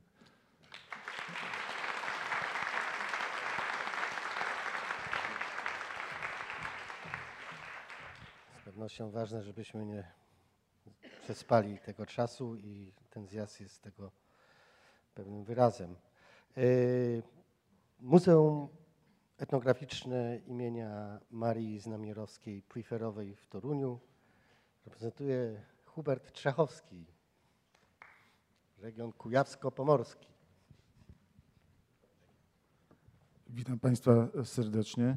Proszę Państwa, po tylu w, w moich przedmówcach e, wybitnych e, koleżankach i kolegach chciałem e, powiedzieć e, parę słów jako e, antropolog pracujący e, w muzeum. E, Bo także, proszę Państwa, na tym polu możemy mieć do czynienia ze zjawiskami nietolerancji, dyskryminacji i ksenofobii. Podam e, Państwu taki przykład z własnego podwórka. Od kilku lat e, budujemy e, nowy oddział. Będzie to skansen poświęcony osadnictwu olenderskiemu, w tym grupie religijnej e, menonitów. Główną naszą ideą, poza oczywiście zabezpieczeniem ostatnich zabytków dotyczących tej kultury, jest stworzenie miejsca, które świadczyłoby o kilkuwiekowej wielokulturowości dobrze funkcjonującej w Rzeczpospolitej.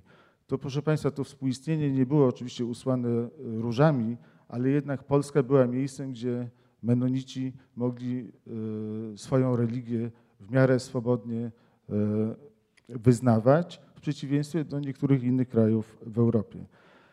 Sam park jest usytuowany w podtoruńskiej wsi, gdzie do 1945 roku e, mieszkali potomkowie osadników holenderskich wyznania ewangelickiego i menonickiego.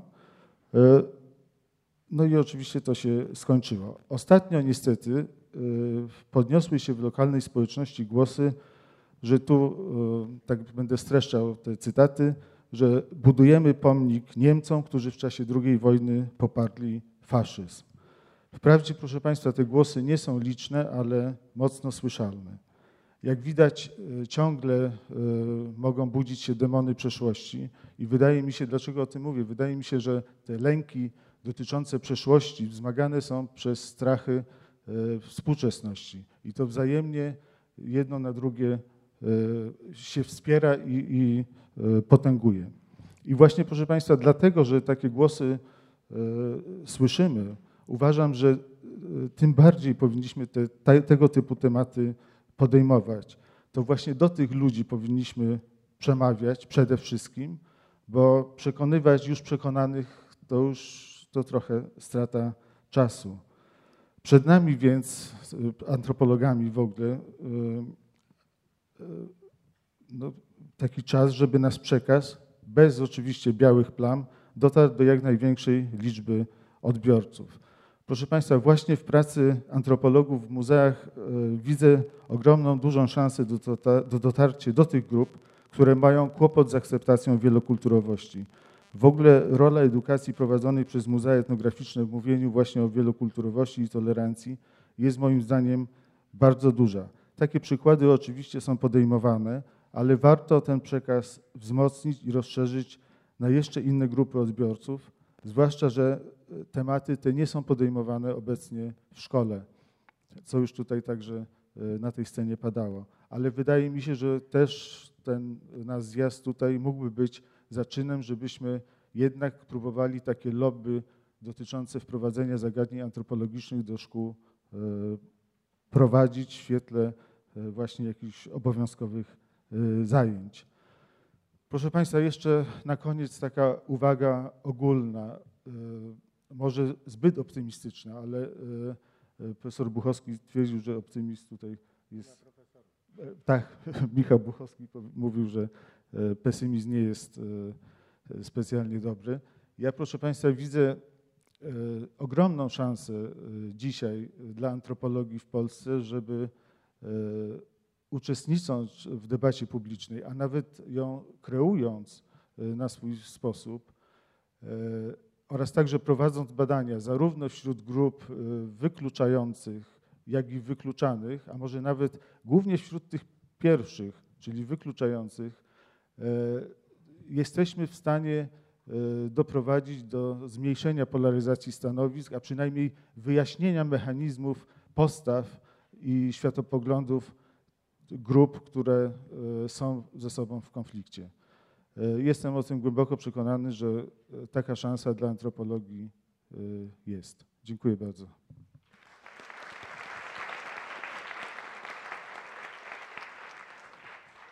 Zapraszamy Elżbietę Berend, Muzeum Etnograficzne, oddział Muzeum Narodowego we Wrocławiu.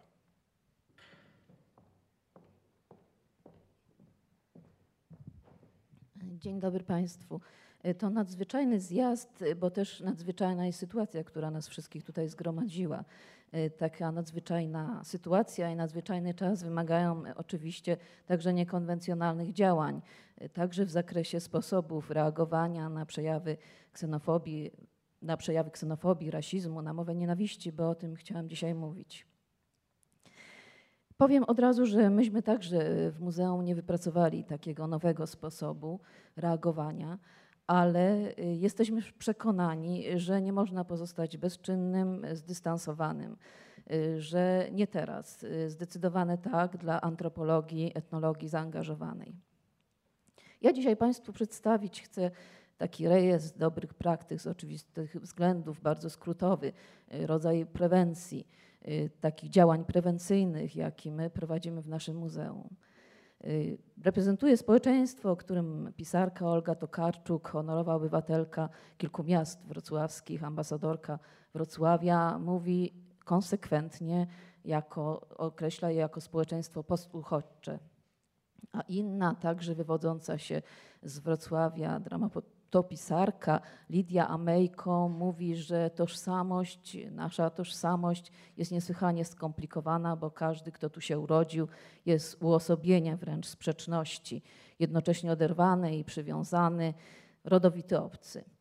My, muzealnicy wrocławscy, także reprezentujemy to społeczeństwo ale jednocześnie czujemy się zobligowani do tego, aby pełnić rolę swoistego mediatora pomiędzy tymi sprzecznościami, kogoś, kto niweluje te sprzeczności, kto zbliża do siebie obcych. To nasze zadanie i my to zadanie wypełniamy od zawsze, to nasza misja, ale od pewnego czasu, praktycznie od roku 2007, rozpoczęliśmy w sposób taki bardziej intensywny współpracować z dolnośląskimi mniejszościami etnicznymi i narodowymi, także dlatego, że przedstawiciele tych społeczności uaktywnili się bardziej wyraźnie, zaczęli manifestować swoją odrębność. E, współpracujemy z nimi, ale współpracujemy także z pełnomocnikami e, do spraw mniejszości narodowych i etnicznych i wojewody i marszałka e, województwa dolnośląskiego z racji swojego zaangażowania jesteśmy zapraszani na wyjazdowe posiedzenia Komisji Sejmowej do Spraw Mniejszości Narodowych i Etnicznych.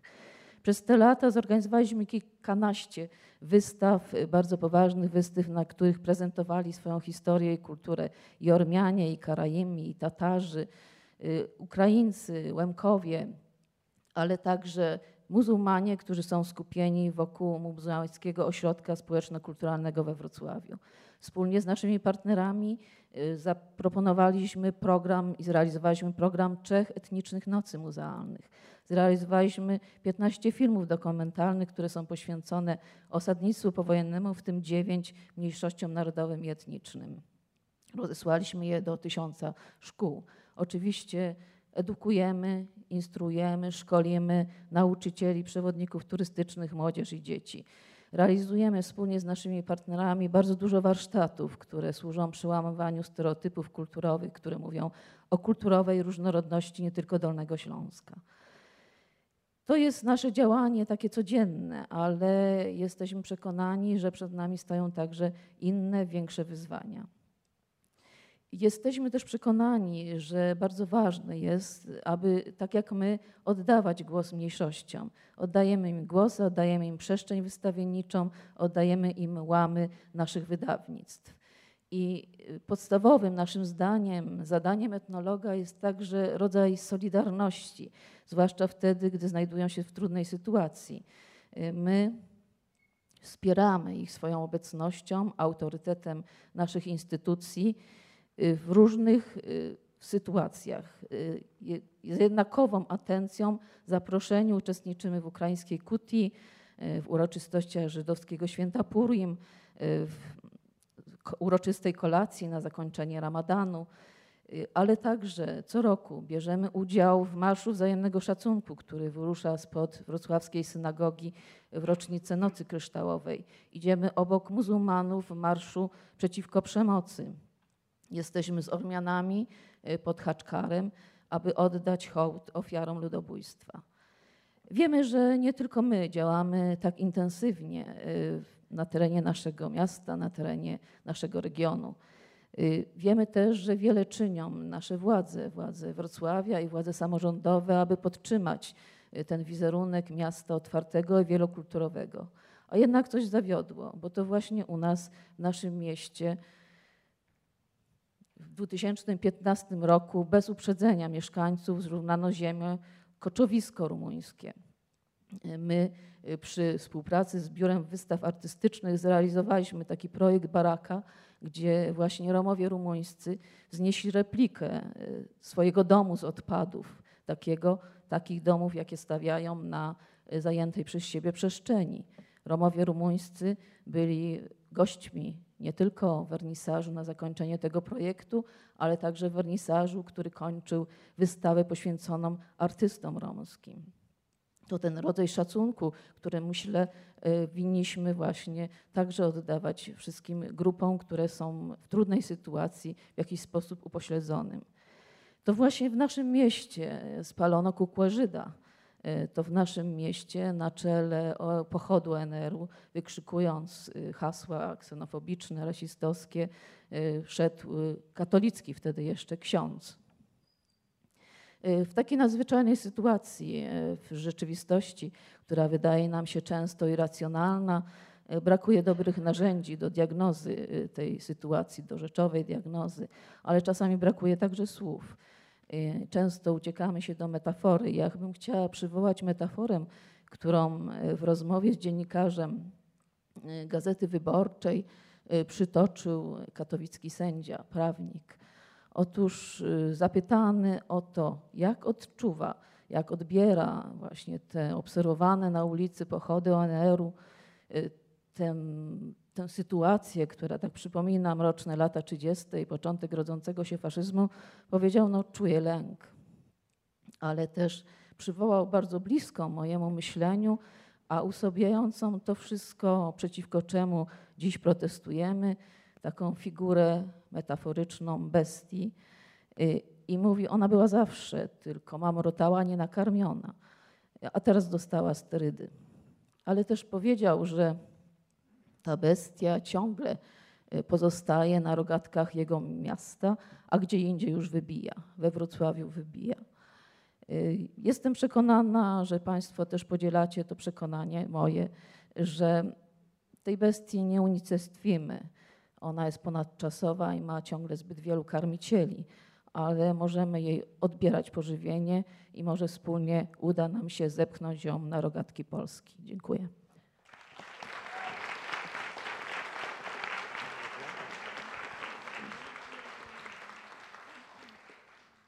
Stowarzyszenie Pracownia Etnograficzna imienia Witolda Dynowskiego, Anna Binko.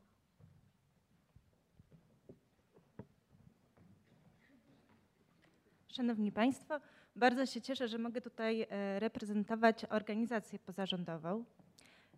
Reagowanie na dyskryminację e, oraz przeciwdziałanie jej wymaga docierania do różnych grup i wychodzenia w różne przestrzenie. Wiele z takich działań podejmują antropolodzy i antropolożki.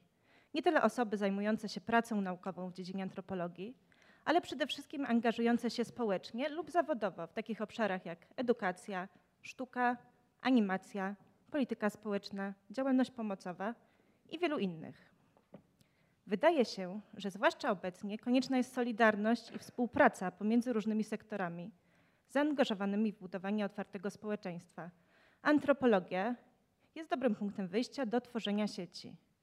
Stowarzyszenie Pracownia Etnograficzna to jedna z polskich organizacji pozarządowych starających się tworzyć przestrzeń dla społecznego zaangażowania antropologów i antropolożek.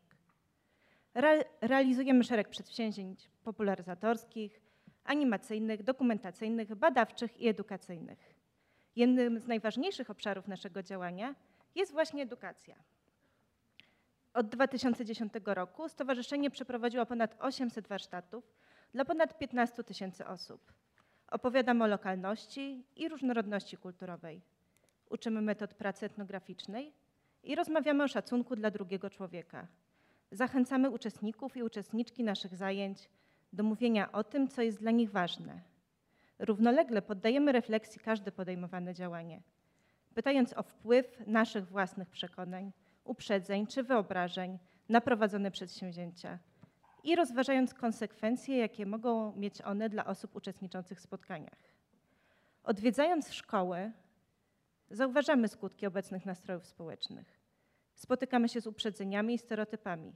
Teraz, zwłaszcza odnoszącymi się do osób wyznających islam, uchodźców i uchodźczyń oraz osób nieheteroseksualnych. Jednocześnie w tych samych szkołach znajdujemy przestrzeń do dyskusji i zmiany poglądów. Wiemy, że takich inicjatyw, także związanych z antropologią, jest więcej. Naszym zdaniem warto łączyć siły w poszukiwaniu sposobów, aby te lokalne działania i doświadczenia mogły posłużyć zmianom systemowym. Wierzymy, że zarówno poprzez działania lokalne, jak i zmiany systemowe można wpływać na postawy i zachowania młodych ludzi, włączając edukację antropologiczną do programu szkół, jak to ma miejsce chociażby w Norwegii, czy miało miejsce w Wielkiej Brytanii, i uwrażliwiając antropologicznie osoby, które zamierzają uczyć w placówkach edukacyjnych, możemy sprawić, że ludzie będą nie tylko lepiej rozumieć innych, ale także ich akceptować, bez względu na doświadczenie migracji, pochodzenie, wyznawaną religię bądź bezwyznaniowość, płeć, wiek, postawę polityczną czy orientację seksualną. E, tym optymistycznym akcentem w zasadzie miałam e, zakończyć to wystąpienie. E, jednak w czasie, gdy z dnia na dzień podważane są podstawy funkcjonowania organizacji takich jak nasza, gdy podważa się takie właśnie podstawy jak zrzeszanie się, zaufanie czy współpracę, traktując to jako zarzut, chcemy jeszcze raz zaapelować o międzysektorową solidarność i współdziałanie.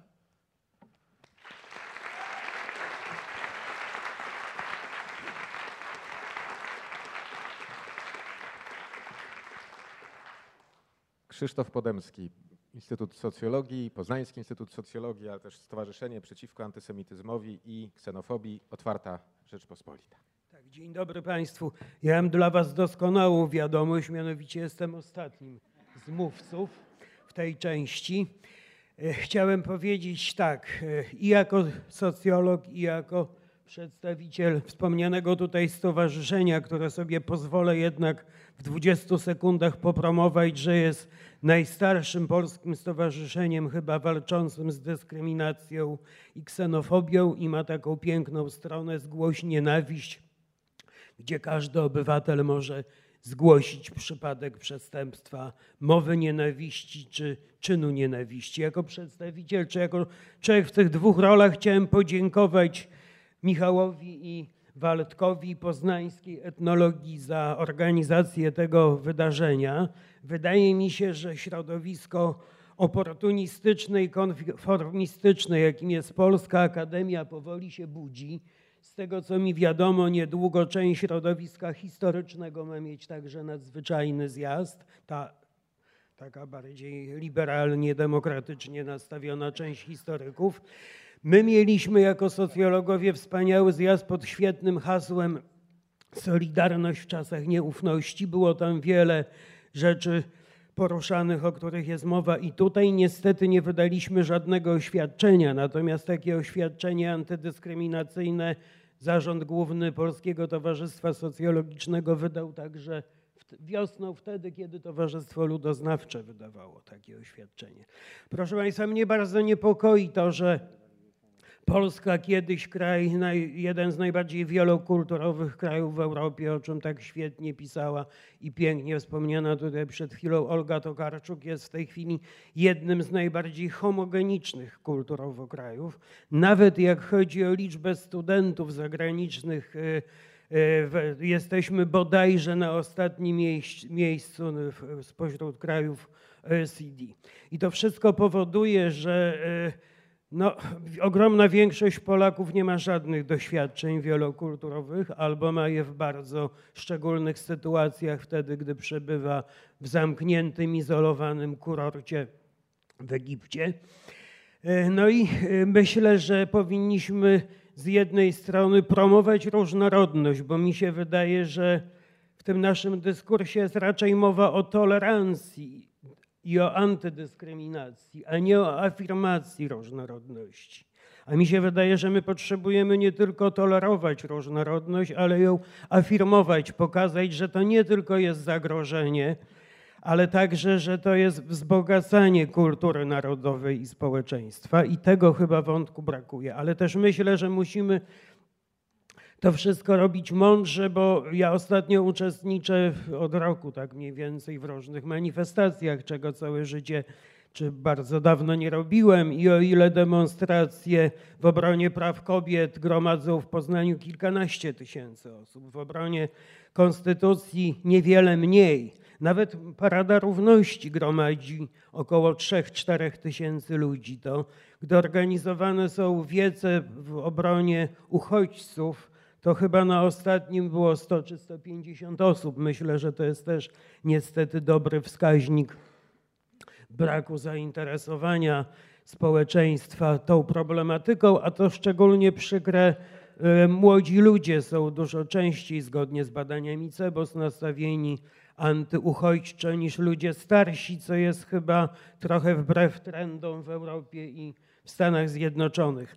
Natomiast no, myślę, że oczywiście szkoła narodowa nie będzie działać w kierunku wzbogacania wielokulturowości. Ja bardzo popieram te wszystkie apele wprowadzenia antropologii, edukacji wielokulturowej, ale obawiam się, że to nie w tym oficjalnym instytucjonalnym obiegu edukacyjnym. Chyba trzeba tworzyć niestety alternatywne obiegi. Natomiast też chciałbym, żebyśmy uniknęli tego, co tak ładnie opisał Frank w książce Co z tym Kansas, czyli backclashu. Musimy pamiętać o tym, że zbyt nachalne lansowanie nawet najpiękniejszych, najbardziej słusznych, najbardziej demokratycznych idei czasami obraca się przeciwko nam wywołuje ten kulturowy backlash. Dziękuję.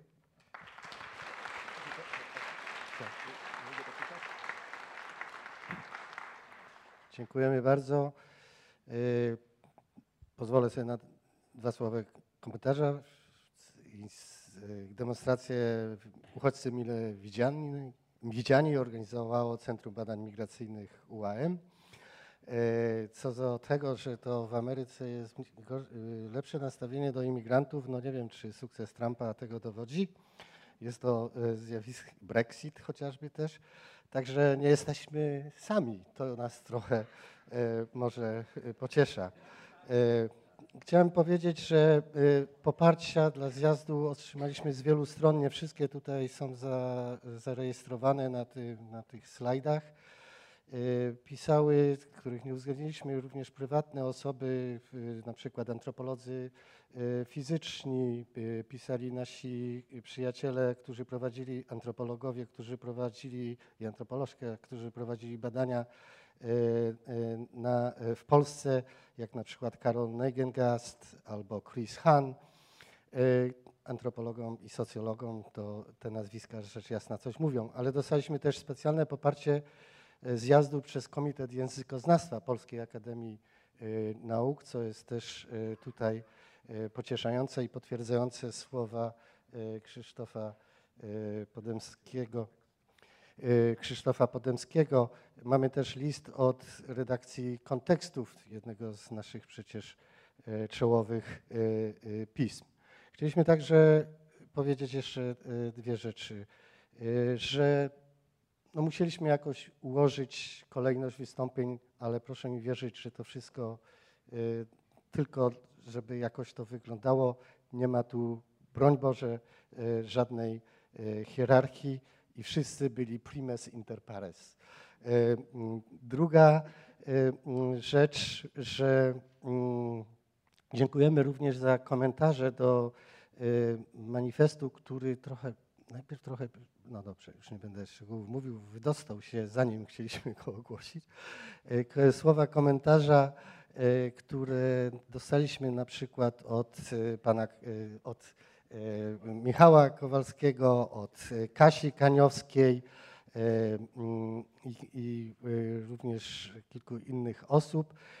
Niektóre udało nam się jakoś uwzględnić, ale nie chcieliśmy naruszać jego jego struktury i no, zawsze jest to zawsze jest to jakiś no, kompromis i zawsze coś trzeba postanowić i dlatego proponujemy, aby przyjąć y, tekst, który jest mniej więcej zgodny z tym, co jest zgodny z tym, co było, co jest na stronie internetowej, a o odczytanie tego manifestu, po którym byśmy przyjęli go przez, myślę, aklamację. E, proszę e, o czytanie tego manifestu e, Anię Brzezińską. Manifest etnologów i antropologów polskich przeciw dyskryminacji. Jako przedstawiciele etnologii oraz antropologii społecznej i kulturowej czujemy szczególną odpowiedzialność za kształt wiedzy o kulturze i społeczeństwie. Niepokoją nas coraz liczniejsze przypadki manipulacji i ignorancji w tym obszarze, obecne w debacie publicznej, mediach, edukacji oraz polityce. Mamy na uwadze przede wszystkim bałamutne twierdzenia formułowane w odniesieniu do migracji, uchodźców, wielokulturowości oraz tożsamości narodowych, etnicznych czy religijnych. Z tych powodów za potrzebne i słuszne uznaliśmy zorganizowanie nadzwyczajnego zjazdu etnologów i antropologów polskich oraz ogłoszenie niniejszego manifestu.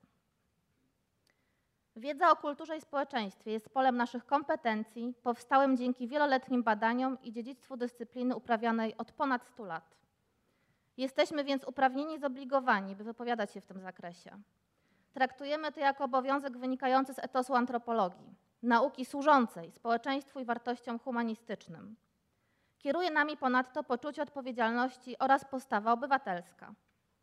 Dlatego wyrażamy stanowczy sprzeciw wobec wszelkich przejawów dyskryminacji, wykluczenia i mowy nienawiści na tle kulturowym, religijnym, etnicznym, genderowym bądź światopoglądowym. Protestujemy przeciwko świadomemu manipulowaniu faktami, ideologizowaniu przekonań, ksenofobii, rasizmowi oraz przemocy wymierzonej w ludzi reprezentujących odmienne kultury, tożsamości, postawy, wyznania i wartości. Przypadki takie, zdarzające się coraz częściej, godzą w podstawy ładu społecznego i prowadzą do ludzkich tragedii. Aby im przeciwdziałać, występujemy w obronie rzetelnej wiedzy o kulturze i społeczeństwie. Wzywamy do wzajemnego szacunku oraz domagamy się respektowania wartości humanistycznych. Bronimy społeczeństwa otwartego i różnorodnego, budowanego w oparciu o ideały demokracji i prawa człowieka. Poznań 23 listopada 2016 roku, uczestniczki, uczestnicy zjazdu.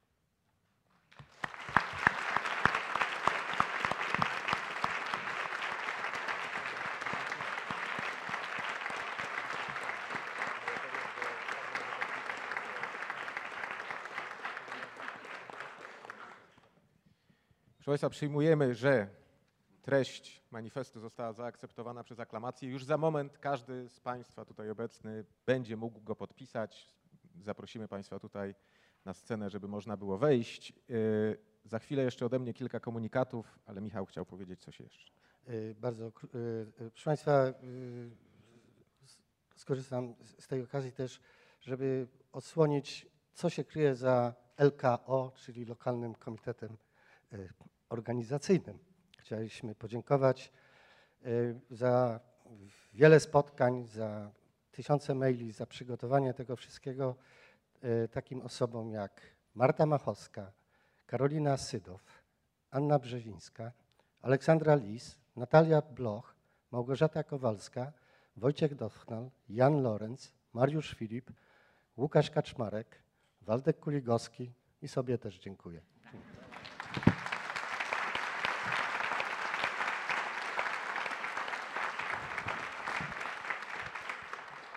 Ja chciałem podziękować wszystkim e, osobom, Państwu, którzy zabraliście głos w pierwszej części. Muszę przyznać, że to jest pierwsza. Nigdy nie uczestniczyłem w konferencji, w której dałoby się w tak krótkim czasie zmieścić tylu akademików. Czyli to jest, czyli to jest możliwe. Proszę Państwa, y, po drugie, y, informacja dla osób zainteresowanych spotkaniem mm, na wystawie Wszyscy jesteśmy migrantami. Identyfikatory, które macie przy sobie, są biletem darmowym, biletem wstępu na to spotkanie. Rzecz kolejna, jeśli Państwo chcecie umieścić jakieś informacje w e, sieci internetowej na temat naszego nadzwyczajnego zjazdu, umówmy się, że opatrzymy je hashtagiem Stop Dyskryminacji, będzie wtedy łatwiej e, i bardziej jednolicie. Rzecz kolejna, jest już na piętrze, e, jest już na piętrze taki zjazdowy catering, gdzie można wypić kawę, herbatę i zjeść coś słodkiego. Drugą część e, zjazdu zaczniemy o godzinie 14 i prosimy o punktualność, bo tylko wtedy nam się uda mm, e, wszystko przeprowadzić tak, jak to sobie e, mm, zaplanowaliśmy. Tą część będzie moderował Hyde Parkową, dyskusyjną, otwartą, będzie moderował mm, Wojtek Dochnal. Jeśli ktoś z Państwa wie, że na pewno będzie chciał zabrać głos, to może warto się do niego zgłosić, żeby to jakoś dobrze zaplanować. Raz jeszcze dziękujemy i zapraszamy do podpisywania. Ja już też idę.